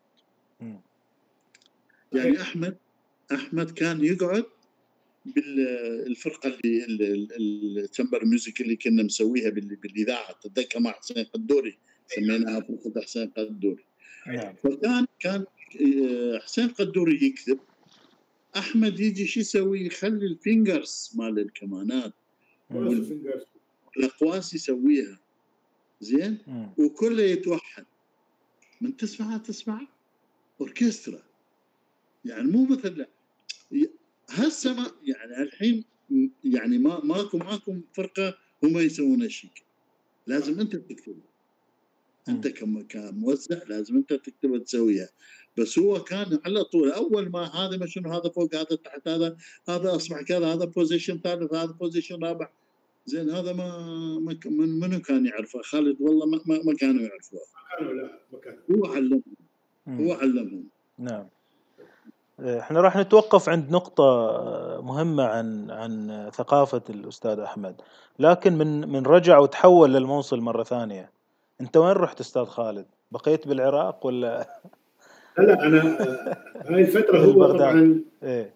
أنا أنا بقيت ببغداد طبعا ما إيه. رجعت إيه بقيت ببغداد بس هو رجع للموصل، أنا كنت طبعا كل فترة يعني شهر ولا اثنين مو أكثر أرجع للموصل زيارة لأهلي أزور أهلي وعائلتي فعلى طول يعني آخذ سيارتي وأروح للبيت ونلتقي بالبيت لأنه تعرف إحنا أخوة واصدقاء خلاص أهلك جزء من أهلك. ابدا ابدا. العائلة كلهم يعني. فكان يفرح كثير لما أنا أجي أتصل بيه أقول له أنا جيت ترى آه، عظيم جدا. نلتقي أيضا بالموصل. وعندنا برنامج بالموصل. أحكي لك أيضا بعض المفارقات من كنا بالموصل. بعد الرجوع بعد الرجوع. نعم. المرحوم أحمد كان يحب المكسرات مال الموصل. إيه. فكنا نلتقي بمنطقتنا إحنا المنطقة اللي إحنا بيها. فأروح عليه اما أخذه بسيارتي أو بسيارته هو المهم نلتقي.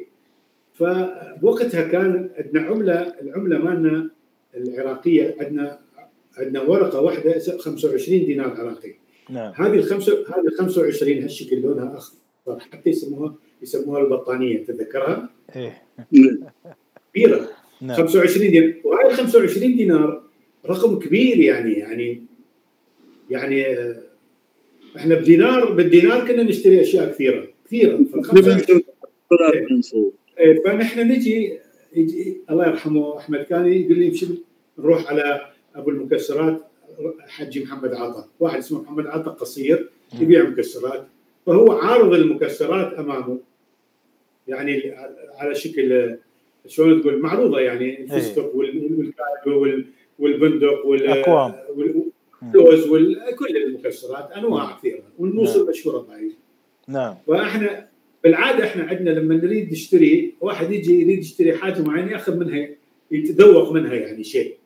يريد نعم. يريد فستق يأخذ فستقايه ضوء يقول له أعطيني فستق. طيب. فالله يرحمه أحمد كان يقول لي شوف شو راح أسوي بيها.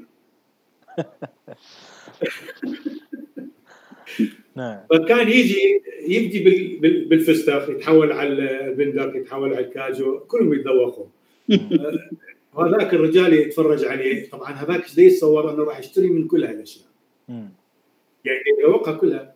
فيفتر على الأشياء المعروضات كلها يتذوقها. يكون يكون يعني ذوق أشياء كثيرة. وهذاك الرجال واقف.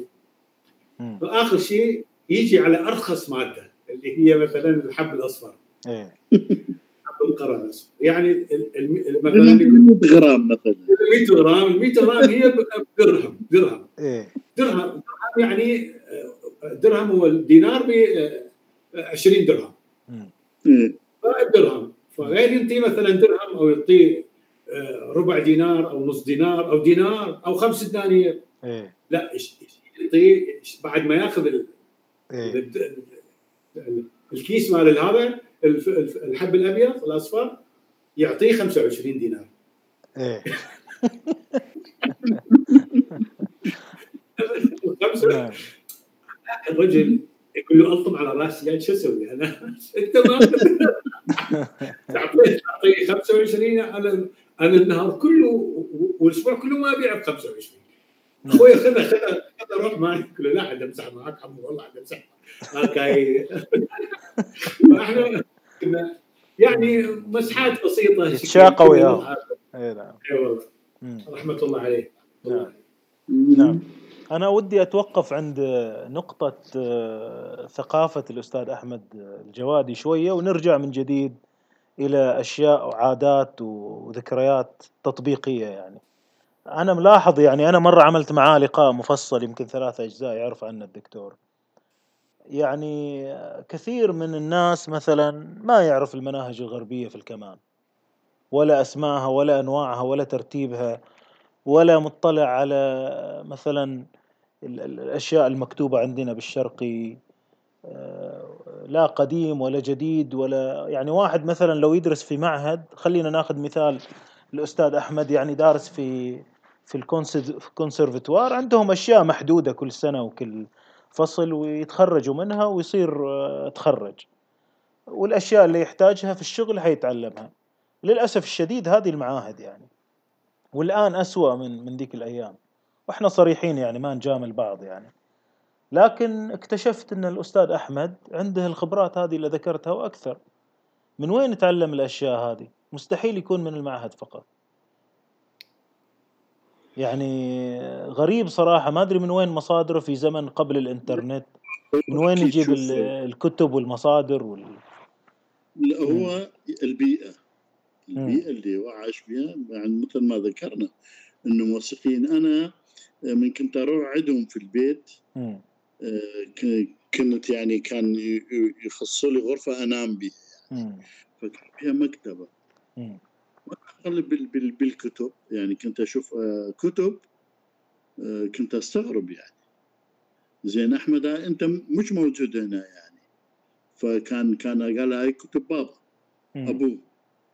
زين؟ وزيدون وهذا كتب كتب موسيقية آه، حتى تاريخية مثلا عن يعني كتب عن الموسيقى التركية وعن الموسيقى الفارسية وعن الموسيقى العربية وعن موسيقى بيتهوفن وموزارت وهذا كله موجوده فطبعا من خلال هاي البيئة طبعا هو يكون هو يكتسب بعض الخبرات وبعدين هو من من راح درس يعني صدق درس يعني. درس وكان شاب جدا مخه نظيف. مخه ويتمرن كثير. يعني حتى من كان هو يدرس بالمعهد أوقات اللي عنده محاضرة حاضر.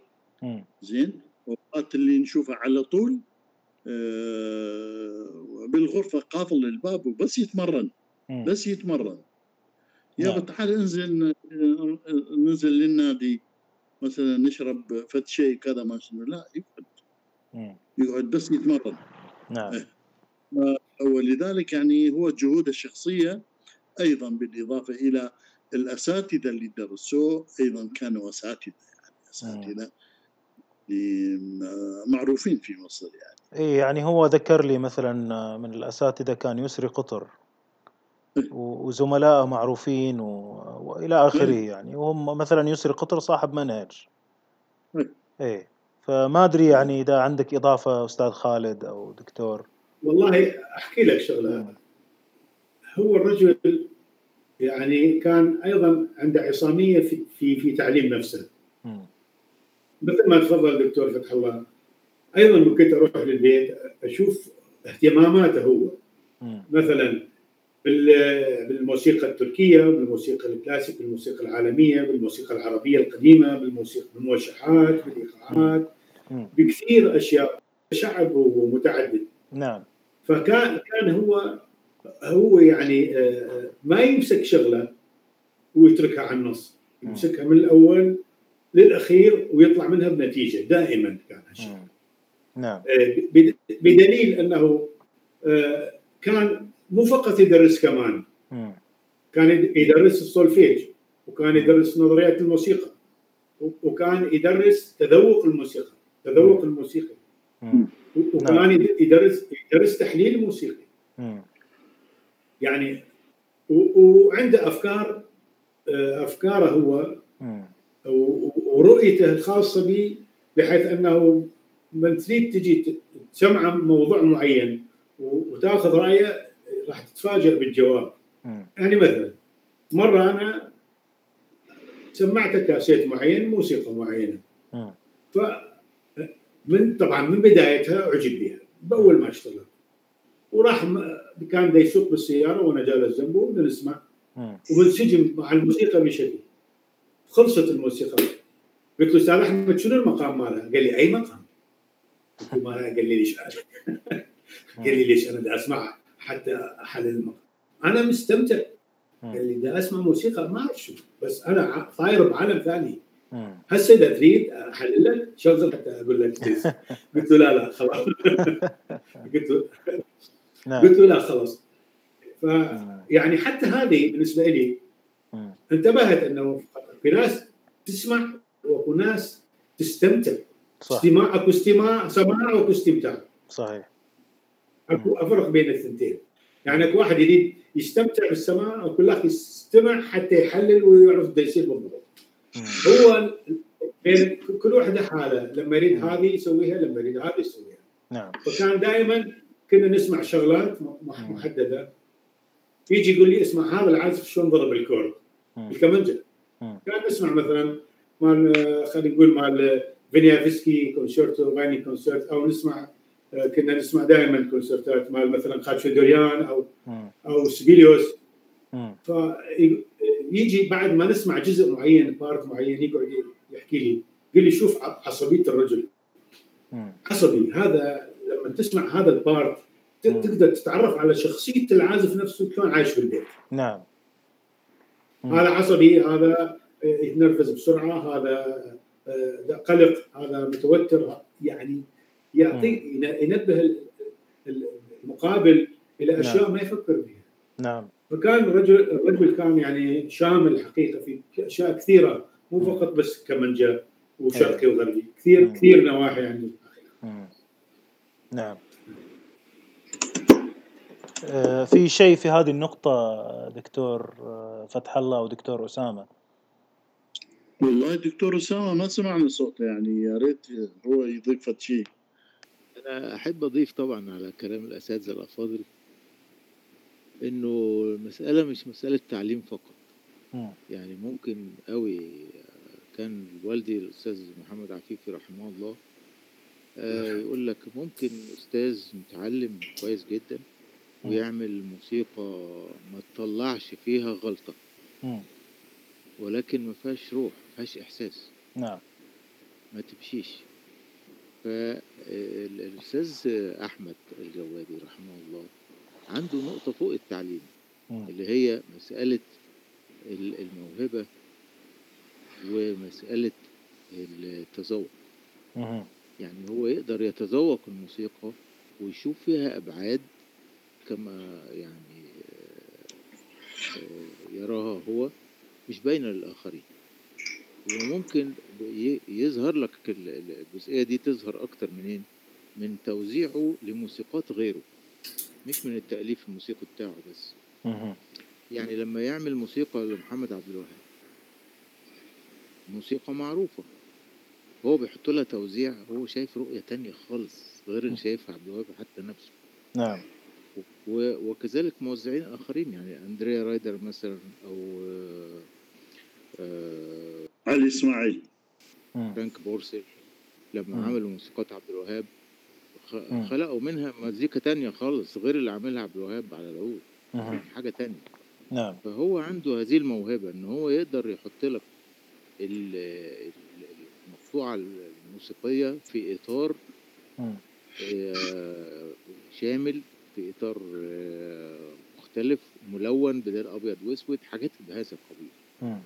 وفوق كده إنه هو وصل لمرتبة الموسيقي المحترف الحقيقي مش محترف يعني بياكل منها عيش بس لا محترف يعني يعني قادر يعني متخصص ويستطيع لأنه عمل مثلا موسيقى كردي كردية.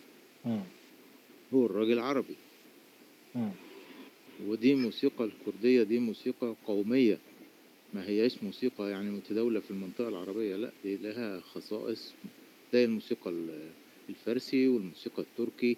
الموسيقى الكردية ليها ليها عناصر بتاعتها وليها جوها الخاص. فهو تعالى فوق القوميات وابتدى يعمل موسيقى كردي.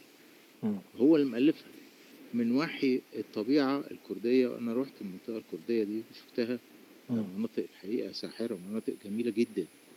وتوحي زي مناطق أوروبا في النمسا وسويسرا والحتت دي. آه، أماكن منتهى الجمال فهو عمل مزيكا زي موريس جار مثلا لما عمل فيلم الرسالة وفيلم عمر المختار بموسيقى عربية. طب ده فرنسي.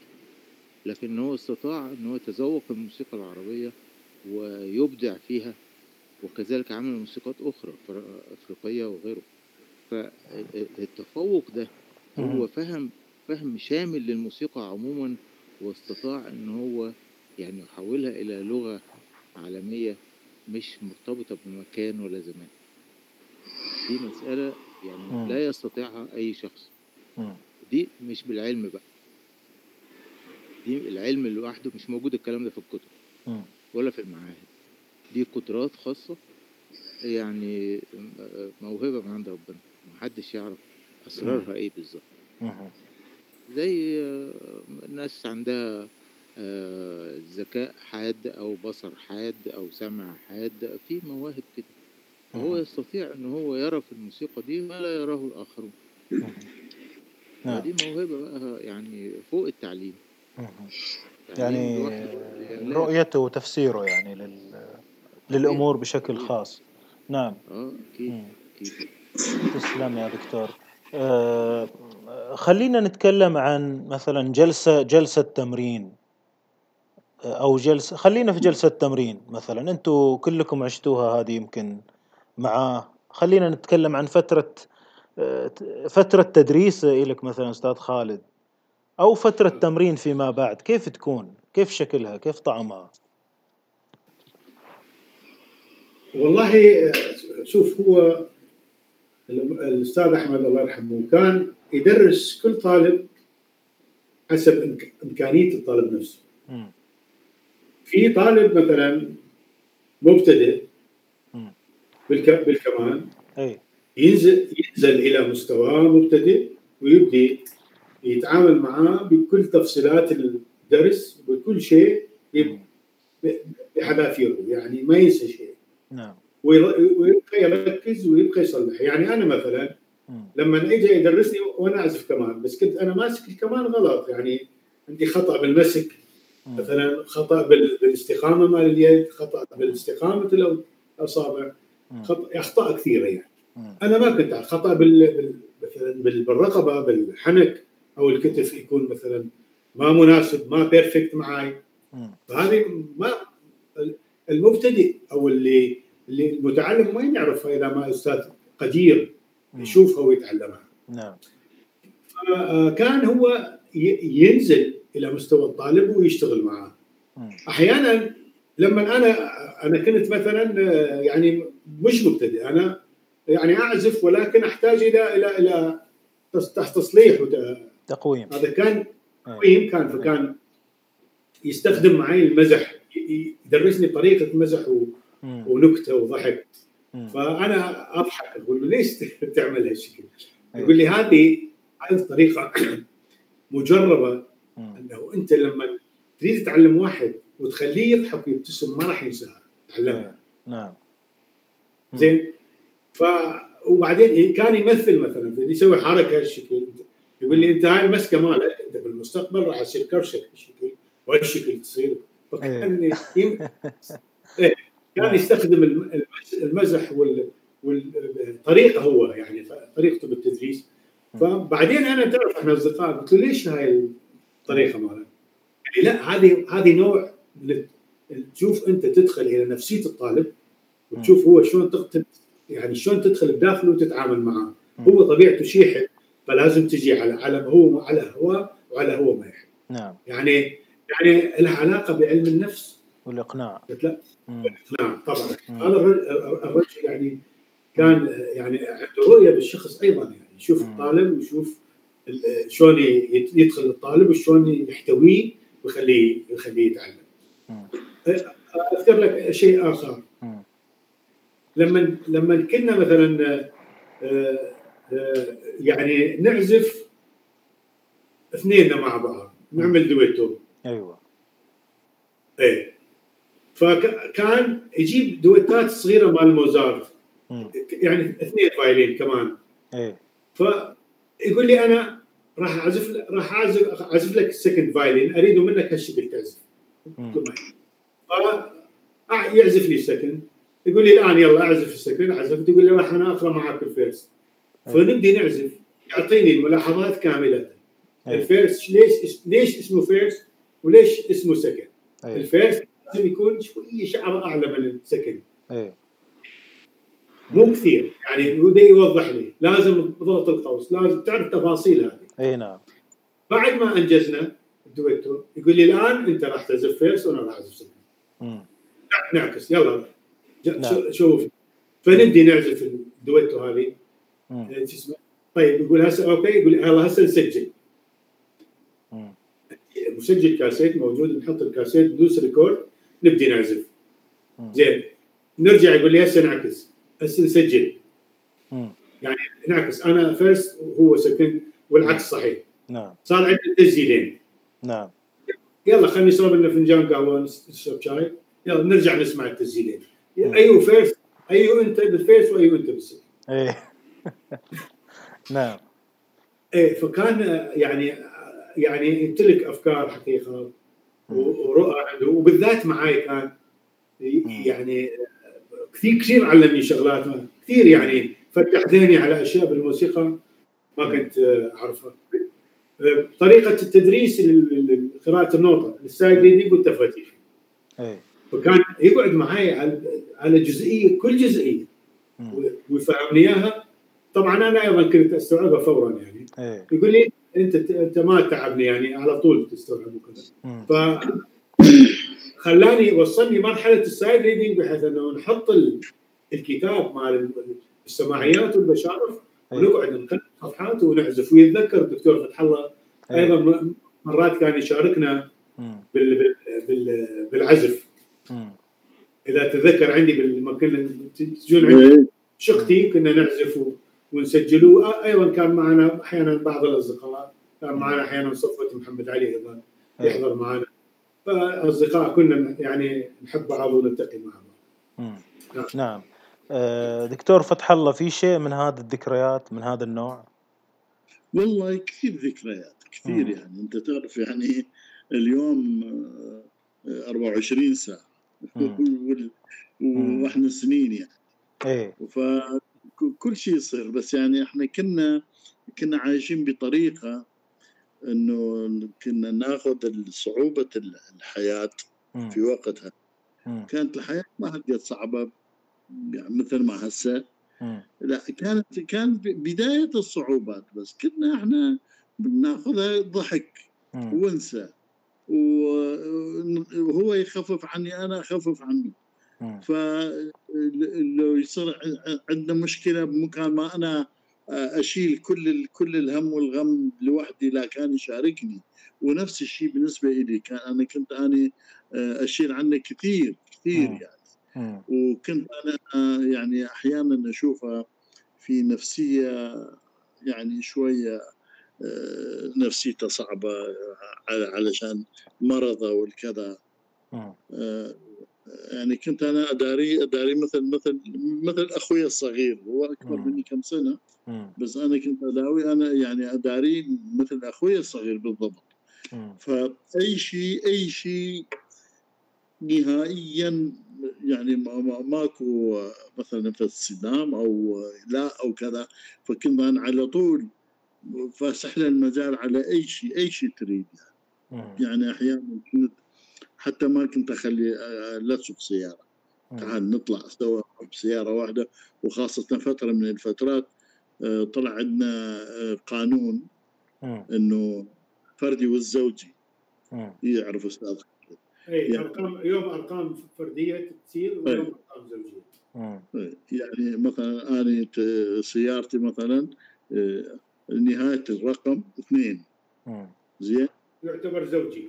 نعم. يعتبر زوجي. إذا واحد مثلا يعتبر فردي. نعم. فما ما يصير يعني يوم يوم أسوق يوم ما أسوق. فرحت أنا غيرت سيارتي في سبيل إنه أحمد يصير يصير عنده مثلا زوجي أنا يصير عندي فردي. نعم. فيوم هو يوم أنا أروح بقينا بدون يعني بدون ما نلاقي صعوبة. نروح ونجي سوا. ماكو نعم. مشكلة. فحتى إذا مثلا إذا هو عنده شغل اخذ سيارتي. يوم اللي آه، فردي مثلا اخذ سيارتي. أنا قاعد بالبيت يعني ما عندي شيء أو مثلا نعم. بالدوام. فكان يعني المشاركة وهالمحبة موجود؟ ما أعتقد إنه هسه قليل قليل جدا آه، يكون آه هذا الشيء. ف نعم. ذكريات كثيرة يعني ذكريات خاصة مضحكه يعني. اكو ذكريات مضحكة كثيرة يعني. نعم نعم. طيب خالد. مرة بالمنصور. بالمنصور. آه، تذكر المطعم. اي المطعم من عبرنا الشارع يعني. أكو شارع. نوقف السيارة بهذا السايد. زين وأكو آه آه هذا رئيس رئيس مال مال سباق أحسن أو كذا ما شاء الشارع هذا ازدحام. والسيارات تجي سريعة. وإحنا لازم نعبر. أي. وما بيه خط مال عبور ما بيه فلازم نعبر. فكثير كثير مثلا نريد نوقف. أرجع مرة ثانية. ما ما يعطونا مجال. إيه. فكرنا فكرت أنا شو أسوي؟ شو أسوي؟ سويت نفسي معوق. إيه. سويت نفسي إيدي مثلا. هالشكل إيه. هذا ما شنو؟ أول ما شافوني كل السيارات وصلت. وعبرنا شارع في نهايته ورجعت أنا أمشي كذا. يعني معناها السيارات داخل المطعم كلها وراك. الله العظيم الله يرحمه نعم. طيب آه خلينا نتكلم عن ذوقه قصة نفتح البشارف والسماعيات يعني أكيد أنتم راح تتفاجئوا بجملة تتفاجئوا بفكرة موسيقية بتأليف ضعيف بتأليف قوي. ودنا يعني شيء من الذكريات هذه عن الذوق أثناء اكتشاف النوتة يعني. أنا بداية دراستي الموسيقية آه ثقافة تركية نعم. يعني أول ما بديت أنا درست البشارف والسماعي واللونجا والما ادري شنو والمقامات الشرقية اللي علاقة ب آه، ودرسوني آه، ناس كبار يعني من ضمنهم بروفيسور تشينوتشان وهذا من حلو. معروفه جدا. جميل. الشخصيات المعروفة جدا يعني يعني شلون مثلا واحد من يقول مثلا بالموسيقى العربية ويقول عبد الوهاب هناك يقول من يقول كينو تشان كله هذا فتشي يعني. معروف. آه إيه فأني آه كنت شارب هذا وحافظ السماعيات. فهو أيضا كان من, من ماخذ ال ال ال الثقافة هاي ماخذها من أبوه. نعم. فايضا عنده معلومات يعني معلومات كثير وحافظ. زين؟ آه فكنا نقعد. نعزف سوا. هو يقول لا هيجي أنا أقول لا هيجي. وهذا وبعدين نتفق على شيء معين. نعم. زين؟ فطبعا يعني أكو مثلا أكو ما يكون عازف مثلا يضيف له فد شيء فد حركة. فأنا كنت أقول أقول لا هاي الحركة مضافة. لا هاي حركه تامه ويروح يبحث. يجيب شوف اسمع وأنا أجيب أسمع. فكان إيه. عنده هذا الشيء زين هاي آه بالنسبة للسماعيات والموسيقى التركية. آه هو يعني أنا ما أنكر إلى فضل كبير علي بالموسيقى العربية. يعني مثلا هو أول واحد آه حفظني كنا نعزف سوا. حفظني السماع الرست مال محمد القصبجي. فاحنا عندنا بالعراق ما كانوا يعرفون. ما كان ما كان ولا واحد يعرفه. مو أستاذ خالد ما كان ما كانوا يعرفوها فهو اللي هو هو هو جابه وحفظني إياها. وكنا نعزفها يعني. أستاذ خالد طبعا من ضمن اللي اللي يعرفوه يعني. دارس دارسها يعني. نعم. إيه.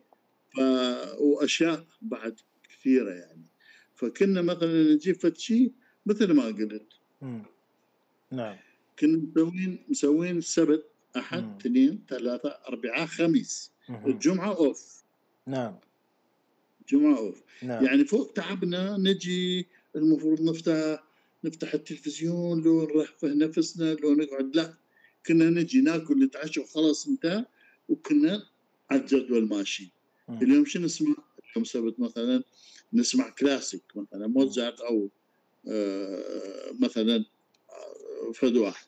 زين لا baroque نسمع baroque وهايدن وكذا. زين آه، اليوم لا اليوم راح نسمع romantic مثلا أو نسمع رافيل مثلا حديث آه. زين هذا اليوم لا نسمع مثلا بوب شو اسمه يعني موسيقى حديثة. يعني جاز وما جاز. زين اليوم لا نسمع عربي. اليوم مم. نسمع تركي اليوم نسمع هندي مم. اليوم نسمع مقسميها. إيه. زين؟ كلها. الجمعة لا الجمعة راح. كنا نقطع وماشيين بها. والله العظيم يوم ما كنا نفوت. يوم مم. شنو ما كنا نفوت. وكاسيتات يعني هذه ها؟ ها؟ إيه كاس... كاسيتات.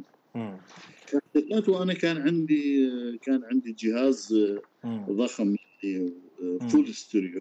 أيه. آه، كان اسطوانات وكذا ما ادري شنو أيضا يعني كنت أنا استفيد منه اي وتتذكر يذكر أستاذ خالد ثاني غرفه كبيره كنت أنا مغالفها اي عاملها استوديو صغير اسفنج وكذا وما ادري شنو فكان جو مال سمع يعني ما ما فيها صدى ما فيها كذا اي فكنا إيه كنا عايشين عايشين يومنا هو لو واحد وحده أنا وحدي ما أسوي شيء اي طبعا هذه الجنة اللي طيب. ذكرتوها. تفضل أبو انمار راح أضيف على كلام الدكتور كان طبعا البرنامج اللي يتكلم عنه الدكتور فتح الله الأسبوعي من السبت إلى الخميس كان هو كله مع آه، دكتور فتح الله لأنه هم بصفتهم عايشين ببيت واحد سوا ويتفقون معظم الوقت سوا ويداومون بنفس المؤسسات يعني. نعم. أنا كنت متفق مع المرحوم أحمد الجوادي استاذي أنه نلتقي يوم الجمعة فكان يجيني يوم الجمعة الساعة 10 بين 10 و 11 صباحا كل جمعة. أي. يجي عندي طبعا يوقف السيارة جنب البيت ونطلع يطلع عندي نبدي آه نبدي نفكر بالغداء مثلا أنا وهو. يقول لي شو تحب نسوي؟ يقول له أنت شو تحب يعجبك؟ فنقعد نشترك أنا وياه نحضر لنا آه، وجبة غداء حتى نتغدى يوم الجمعه ونقضي نستمتع شوية بالطبخ والأكل والشغله هذه. نتغدى. بعد الغداء إحنا العراقيين متعودين بعد الغداء لازم نشرب الشاي العراقي. إيه، نعم. فنحضر الشاي والشاي أبيض طقوس أيضا شاي وكذا. إيه. ومو المشكلة مو موسيقى فقط الموضوع تحول طبخ وشاي وروقان و... لأنه لأنه إحنا عز... كلنا عزابية كنا. نعم. عزابية. إيه، وكل واحد متميز بشغلة فأنا كنا نطبخ أنا وياه ونسوي الأكل نحضر الأكل ونشرب الشاي بعدها نبدي. آه، أجيب العود ويدي يأخذ يجيب كمان معاه الكمان ونقعد نبلش نقرأ السماعيات والبشارف من من الكتب الموجودة عندي. نحط الستاند ونحط وناخذ الكتاب من الأول. آه. مثلا نبدي الكتاب يبدي مثلا من من مقام الرست إيه. ويجيب بشرف رست عاصم بيب وبشرف رست مال مثلا طاطيوس. البشار طاطيوس تمشي بعد بشارف بعدين سماعيات بعدين نشوف شكو اذا مقطوعات أو لونجات من الرست يخلص الرست مع 10 15 عمل. إيه. إحنا نبدي من أول صفحة خلاص. إيه. نبدي نقرأ وإحنا ماشيين. نتوقف. حاطين قلم رصاص يمنا ونبدي نكتب أي عمل جيد وعاجبنا وانبسطنا به وعزفناه بشكل حلو نحط عليه على على رقم الصفحة علامه صح. إيه إنه هذا العمل إذا رجعنا نعزف هذا. تم التحقق منه. نعم العمل اللي اللي ما يعجبنا يحط كروس يعني علامة خطا. على رقم الصفحة. إيه فكان يصادفنا طبعا بدون ذكر اسماء كان يصادفنا مثلا نوتات محولة من التركي على العربي. إيه. محولة بواسطة أحد الفنانين. إيه، فمثلا إحنا بدنا نقرأ البشرف أو السماعي يصادفك بار بار أو بارين ما محولة باقي على نفس التركي. نعم. واحد الموسيقى الصينية. نعم. الموسيقى المكسيكيه نعم. فورا الله يرحمه. يقول لي شوف والله هذا إيش تحكي معه؟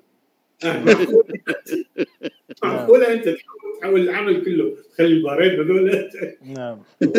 المقام اختلف الفاصل اختلفت والأبعاد اختلفت. فإحنا راسا يصير عندنا دروب. إحنا بدنا نعزف. اخفاق إيه. هذا شيء يقول لي دقيق. هذا كروس لي قدام؟ لا تعب نفسك. يلا صفحه اي نعم. نمشي نمشي سماحيات بشر بعدين طبعا إحنا كل جمعة نمشي إيه. بعدين الجمعة الثانية نفتح الصفحة بس نعزف اللي عليه علامه الصح هذاك لا خلاص. إيه. عملية تنظيف. إيه. صادفنا مرة. إحدى المرات طبعا أيضا من باب المسحه و... أنه بعض المؤلفين من العرب موسيقيين العرب مؤلفين سماعي أو بشرف أو سماعي وبشرف بالتحديد. إيه. وكاتبين مثلا إذا تعزف أنت صبا. صبا على الدوكا هو كاتب لك على المي نص بيمول وحاط يمها علامة ناتوريل وعليها خط وحاط يمها فوقها علامة ثانية. أكثر من علامة موجودة. نعم. وبعدين ترجع على الفهرس جوا تلقى شرح. يقول لك هذه بين المي ناتوريل إيه. وبين المي نص بيمول شو راح نعزفها؟ نبعد أنا والمرحوم نصف يقول له هذا الشيء يقول لي هذا يريد مي على الربع التركي عالي أعلى من الشرقي بس ما ما يعرف إيش يقول ما يعرف. فكاتب هالشيء نمشي بعد شوية. ها. يجي على الفا فا دييز مثلا بالحجاز. يقول هذه بين الفا بين الحجازي والصبا. يكتب عليه. يعني شلون الفا دييز شلون راح نقراها؟ يعني لا هي صول بيمول ولا هي فا دياز يعني هو زي بالضبط بدل نفتح فنجي نشوف العمل هذا مثلا بي كثير ملاحظات من هاي. فمن باب من باب المسحة يمسك القلم يعني يقول هذا بين السماع والبشرف اطلع منه. إيه. اترك العمل لا هو سماعي ولا هو شنو هاي؟ بين الصبا والحجاز بين البياتي والصبا يا أخي وضح. اكتشفنا بعدين المؤلف يريد أرباع أرباع يعني عالية وناصية بس ما يعرف شو إيه. بالموسيقى سوري. بالموسيقى التركية بيسموها المجنب الكبير والمجنب الصغير. نعم. شوي يكون يعني تبع الهزام مثلا ميل هزام يكون عالي مجنب كبير يسموه. صحيح. وهكذا. إحنا بالموسيقى العربية انه فقط نص بيمول وبيمول وديز و natural. اي ما عندنا غير هاي العلامات. لا صحيح. بس هو كاتب كاتب بين على مثلا بالحجاز أنت تعزف حجاز يعني مي مي بيمول فا ديز هذا هو الحجاز.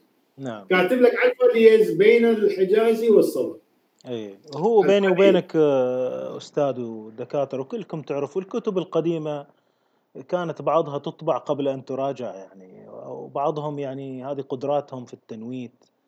آه، بس قبل ما ننتقل إلى التنويت أنا ودي أتوقف عند التنويت وعند ال software اللي كان دائما أستاذ أحمد يتكلم فيه و...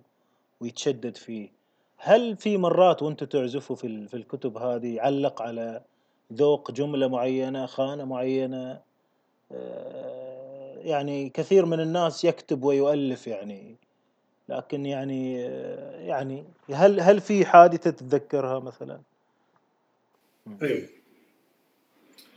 آه، كنت أنا لما أعرض مؤلفاتي من أسوي مؤلف جديد اعرض المؤلف على الأستاذ أحمد وعلى الدكتور فتح الله. طبعا قبل النشر هذا أنا أبدأ ألف.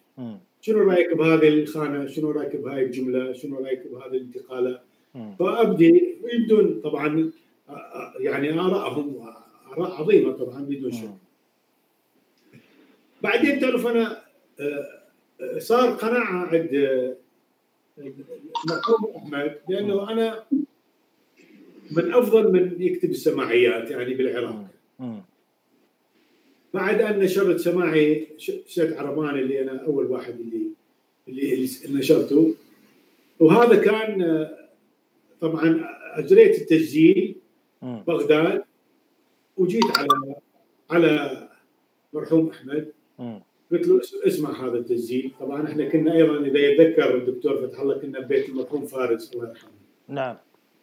فارس حازم نعم صديقنا نعم.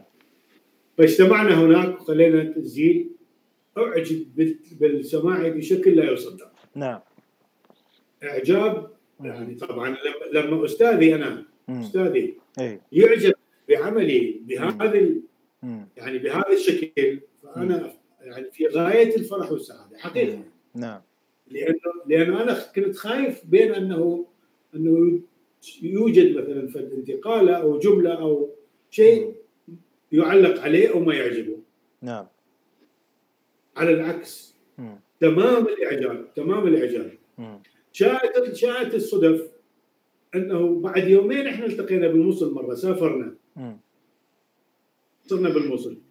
اتصلت إيه هو سافر أنا سافر. كنا عادة خميس وجمعة نسافر. أكثر. شيء هالأيام هذه لأن صادفنا عطلة. اتصلت بي. اتصلت بي. قال لي عظيم انت موجود. قال لي اريد تجيب الكاسيت وتجي فورا. نعم. اللي بيه السماعي طبعا السماعي أنا طبعا بعد ما نشرته فقط مسجل طالع من الاستوديو مسجل السماعي. إيه. واثنين ثلاثة إحنا اللي سامعين ما ما مصور ولا مسجل يعني. مم. ما أطلقته. مم. فرحت رحت عندهم بالبيت.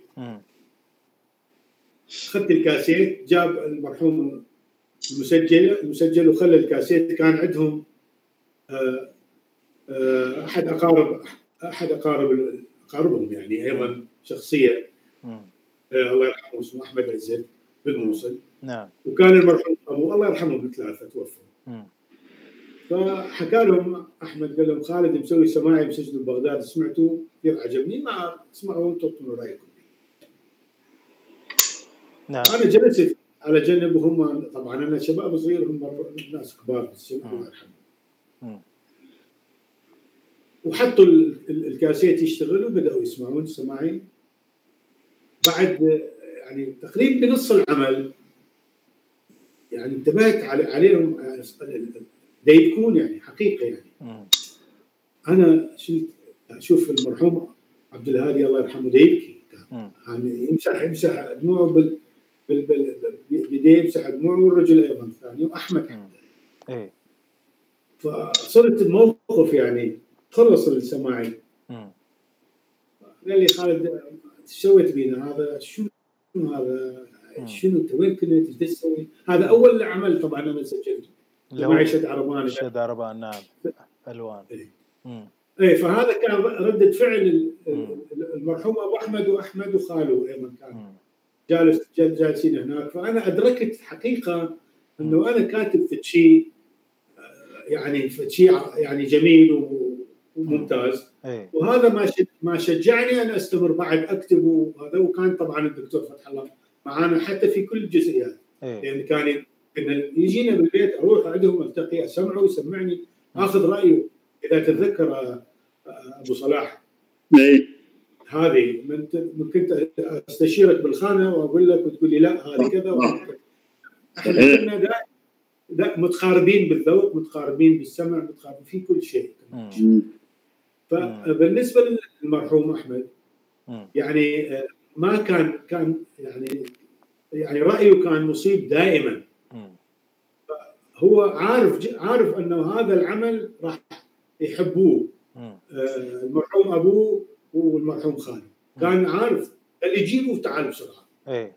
أنا كنت تعرف بيتنا قريب على بيتهم في الموصل نعم. فركبت سيارة ركبت سيارتي وجيتهم بالبيت والتقينا كنا دائما كل ما أسوي عمل أول الناس أتصل بي فورا أستاذ أحمد اسمح لي. يقعد. طبعا طبعا قبلها إحنا لما كنا نلتقي أيضا أعمالي. يعني أنا أكون منوط اعمال مالي. ونقعد كان يبدي إعجاب كثير يعني. يقول لي أنت عندك طبعا من حسن حظي أنا أيضا. ورحمه الله على الأستاذ أحمد. عندي آخر المحادثات بيني وبينه مسجلة. نعم. فكنت أعرف قبل برمضان هذا اللي فات كنت أسمع أجزاء من سماعي مالتي اسمه من وحي الأندلس. اي أعتقد يعني يمكن ابعث لك التسجيل أنا وإذا حبيت أنت والله يا ليت. يا ليت يعني ناخذ جزء ونسمع المستمعين. اي بس أنا مم. أنا ما أريد يعني من باب المديح يعني أنه يمدحني لا إحنا نشوف ذوقه نشوف ذوقه ورأيه. و... إيه فكان يقول لي هذه يتكلم عن خانة معينة أو عن جمل معينة يقول لي أنت مم. أنت ما ما يوجد أحد اطلاقا مثلك يكتب بهذا المستوى بس أنت. إيه. ما موجود أحد يشبهك في كل الوطن العربي. نعم. فأنا دا يتكلم هالشكل وقال لي أنا كنت دا أتكلم مع فلان بقول له خالد. خالد عنده خاصية آه، متفرد بها إنه ما حد يقدر يكتب بهذا الشكل إلا بس هو. ما أريد أتكلم بالضبط راح أرسل لك التسجيل. خلاص آه، إحنا مع المستمعين إن شاء الله نسمعها ونستمتع فيها وجهودكم و... ويعني في النهاية أنتم تلاميذه وأنتم أساتذة أيضا وكونتوا أنفسكم وكنتوا عصاميين. هسه قد أسمع السماعي مالك. اولا لقيت فقط ملاحظه بعدين أقول لك عليها. مهم. الجمال ماله كله كله يعني شيء لا يوصف. جاء على بالي شيء موضوع أنه هيان الفيديو قدامي. مايسترو كبير جدا يعني أكبر مايسترو بعصرنا أو بالعصر اللي فات لأن متوفي هو بالتسعينات أتذكر. اسمه ليونارد بيرنشتاين. يحكي عن بيتهوفن. يقول طبعا نازلين بينه حذر بعض المؤلفين أنه بيتهوفن آه، الهارموني ماله كذا سيء ولا ال orchestration سيء والما أعرف إيش بس عنده فقط شيء مهم اللي هو ال form. يقول ال form هذا ما حد يعمل مثله ابدا. يقول كأنه عنده تليفون واير واير تليفون بذاك الوقت يعني المقابلة يمكن بالخمسينات أو الستينات واير تليفون ذاك الوقت. طبعا ما كان كله بس واير تليفون آه، مع السماء the heaven مع السماء يعني مع الله يعني أو السماء يعني شاش هذا هو يهودي لأن وتجينه الأفكار من فوق. فأنت نفس الشيء ذكرته هذه قرنتوها بيك أنت يعني شيء موسيقى مالتك السماعي هذا نازل من السماء فعلا حقيقة. الله يحفظك حبيبي. آه خلينا نتكلم عن آه اهتمامه بالتدوين. يعني تدوين باليد قول مثلا تعلمناه لكن إن الواحد يروح إلى فينالي الناس كلها سيبليوس وهو فينالي وما أعرف كم برنامج ثاني. غير اطلاعه على التكنولوجيا وعنده حرص شديد ونقد شديد للتلاعب في آه، مثلا آه، طريقة التدوين الأصوات وتجميعها مع بعض آه، في النوتات لتسهيل القراءة دقة التعبير عن النغم في الورقة مع العلامات. يعني دائما مثلا هو عنده عادات نشرها مثلا بدل ما يعمل علامات الترجيع. يخلي مثلا التسليمات موجودة في مكانها كل مرة منسوخة. آه، زي ما قلنا مثلا حساب آه، كيفية تجميع النوتات مع بعض آه، التوزيع. أحيانا ينزل سماعي مدوننا بثلاث طرق بسيط متوسط صعب. وهذه نشرها حتى كثير من الناس استفادوا منه يعني. ويمكن حتى أذكر منهم سماعي القصبجي أو سماعي مثلا حجاز غريب جوكسيل وأمور كثيرة يعني لعبد الوهاب آه، غير انه كان دائما يعني كثير ما كان يدون الأشياء بس بشغفه الشخصي مش استجابه لطلبات الآخرين. آه، إذا تسمحوا لي راح أتكلم بهذا المجال. طبعا بصفتي أنا على علاقة مستمرة مع طيلة السنوات الغربة اللي هو قضاها في السويد. نعم. حتى لما كان في عمان في الفترة اللي بقى بها بالأردن والدكتور فتح الله أيضا كان أنا كنت أيضا أروح في عنده في بيته وأبات عنده بالبيت ونبات سوا في بيته في الأردن عمان نعم. ونبقى نعزف ونتمرن سوا ونطبخ وناكل وكل شيء نفس البرنامج حتى في عمان نعم آه، كان على كنا على تواصل فكان يبعث لي دائما هو كان ينزل يعني آه، شلون تقول فيديوهات صغيرة أو ينشر آه، ملفات بي دي اف أحيانا عن نظريات الموسيقى والأخطاء في نظريات الموسيقى الشرقية صح. العربية بالذات. صحيح. فكان دائما فكان يحكي لي يقول لي يكتبون المرجع بهذه الصيغة وهو هذا خطأ وهذا صحيح. هذا صح هذا خطأ. هذا تصار بهذا الشكل تكتب هكذا ولا تكتب هكذا.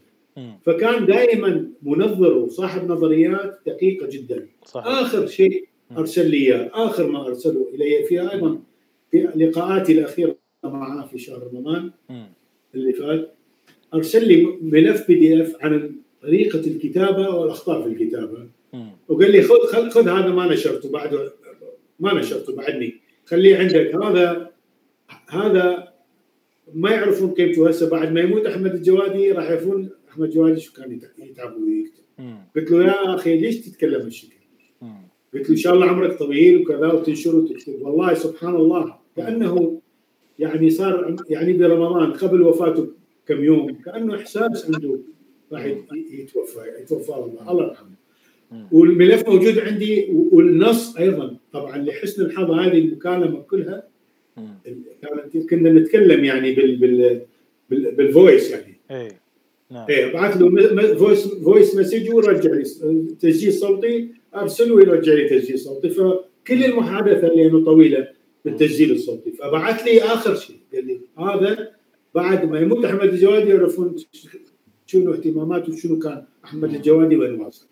نعم. قلت له إحنا نعرف ما حاجة. تقول لي بس لا تقول هالشيء. إن شاء الله عمرك طويل وتنشر وتكتب هذه آخر الأشياء. نعم. وأيضا محتفظ بها عندي أنا. طبعا إلى رحمة الله يعني. نعم الله يرحمه. وفعلا أنت ذكرتني انه كان مثلا فاتح له في أكثر من موقع مش فقط يوتيوب ولا المنتديات اللي كان يشارك فيها والكلاسيكيات الموسيقى العربية.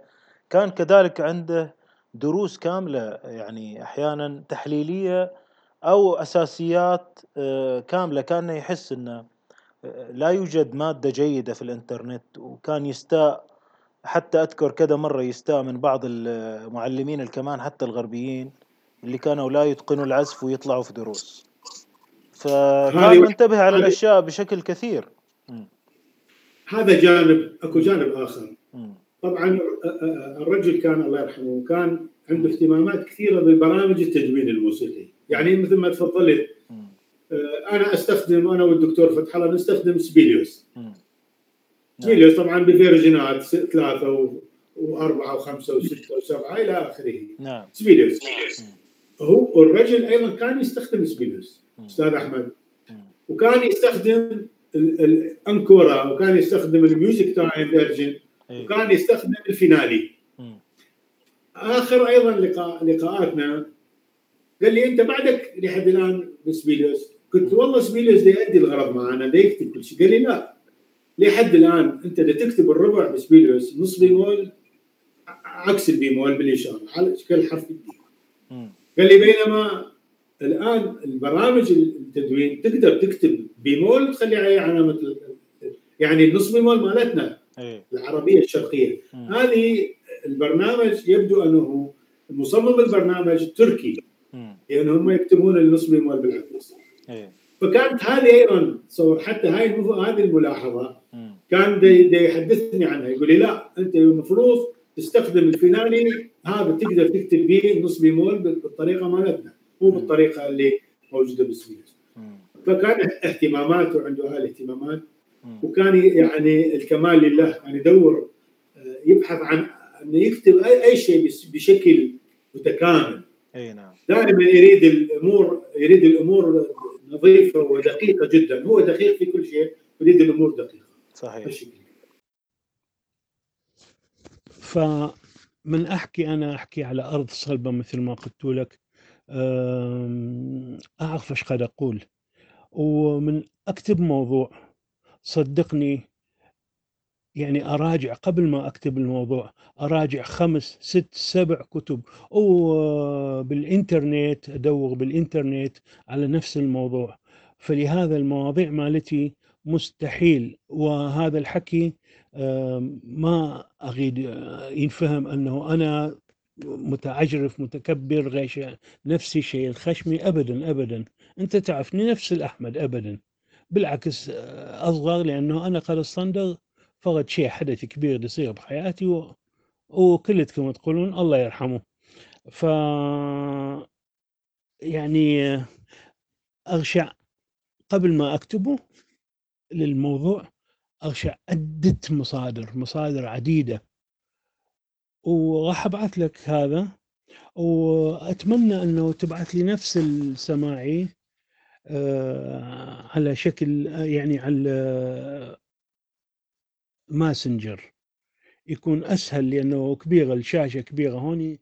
وكان يشتغل على فيديوهات بنفسه يسجلها ويحط عليها صور وفيديو. أو يركب نوتة على عزف وأحيانا لأسباب تعليمية وأحيانا لأسباب عزفية فقط. آه، أعتقد إن إحنا غطينا جانب كثير آه، يمكن يعني وقتكم ما يسمح إن إحنا نطول أكثر والأستاذ يستحق أكثر. آه، ما أدري إذا ودكم يعني تذكروا شيء مهم ولا ننتقل إلى بعض المختارات نسمعها من عزف الأستاذ. أني أنا بس أضيف شيء واحد. إنه يعني إذا سمحت سمحتوا لي. ولو, ولو أشوف نفسي إلي حق إنه آه، حتى لو أقيم شيء بسيط من مم. من من قيمة أستاذ أحمد يعني الله يرحمه نعم تفضل هناك مقولة. يقول آه، الموسيقي الجيد مم. يعني الموسيقي الحقيقي نعم يسمع يسمع. يتعلم. يصغي يدرك ويتذوق الموسيقى بإحساس. شوف كم كم عنصر. في آن واحد يعني. نعم يسمع يتعلم يصغي نعم ويدرك نعم ويتذوق الموسيقى.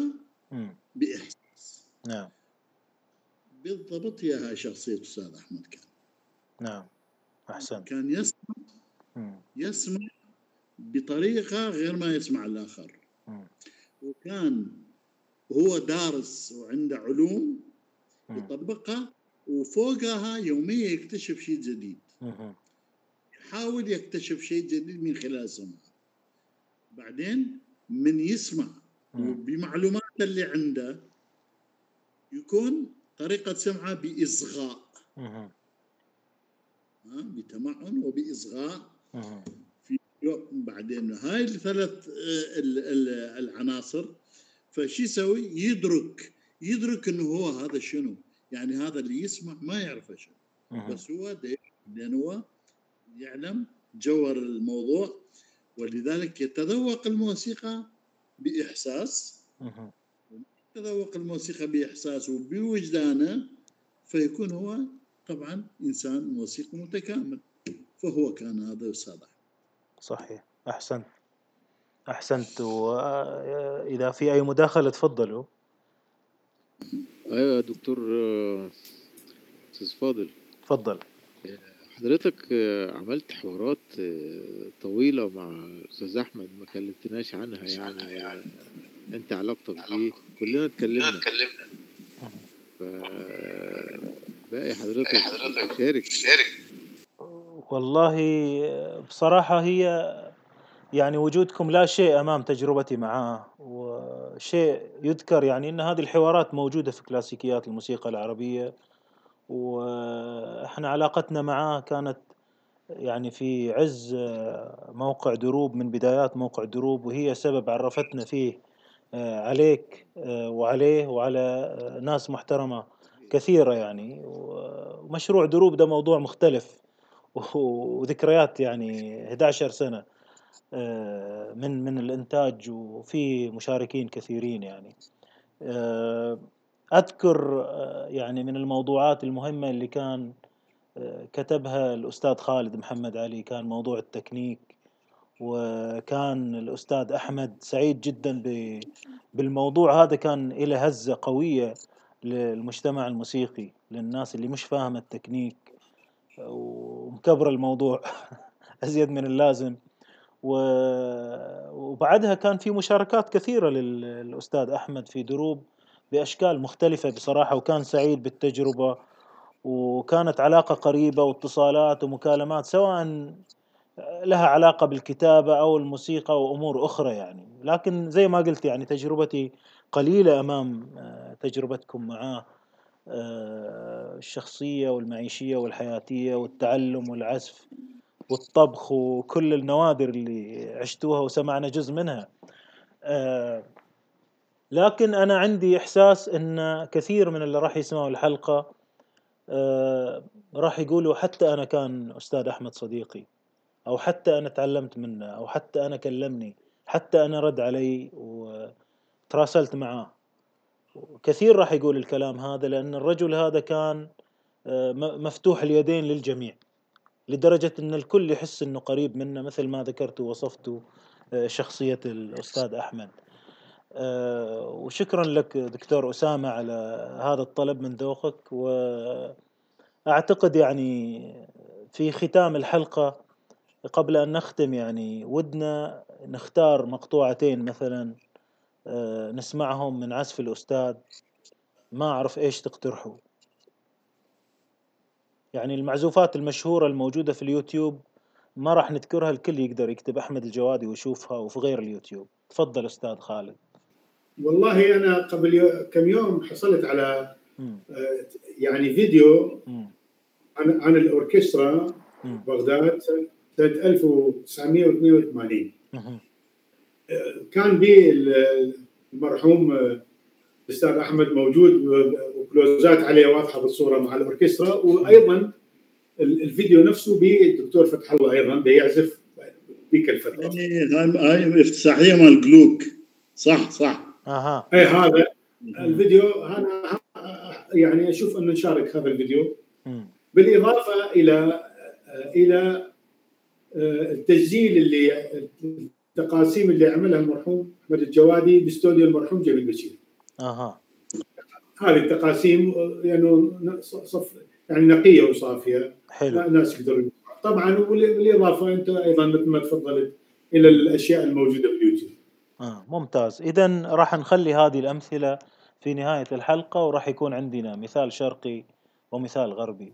آه في نهاية الحلقة أشكر الدكتور فتح الله والأستاذ خالد محمد علي والدكتور أسامة عفيفي ولكم الختام لو حبيتوا تختموا بكلمة. أنا أقول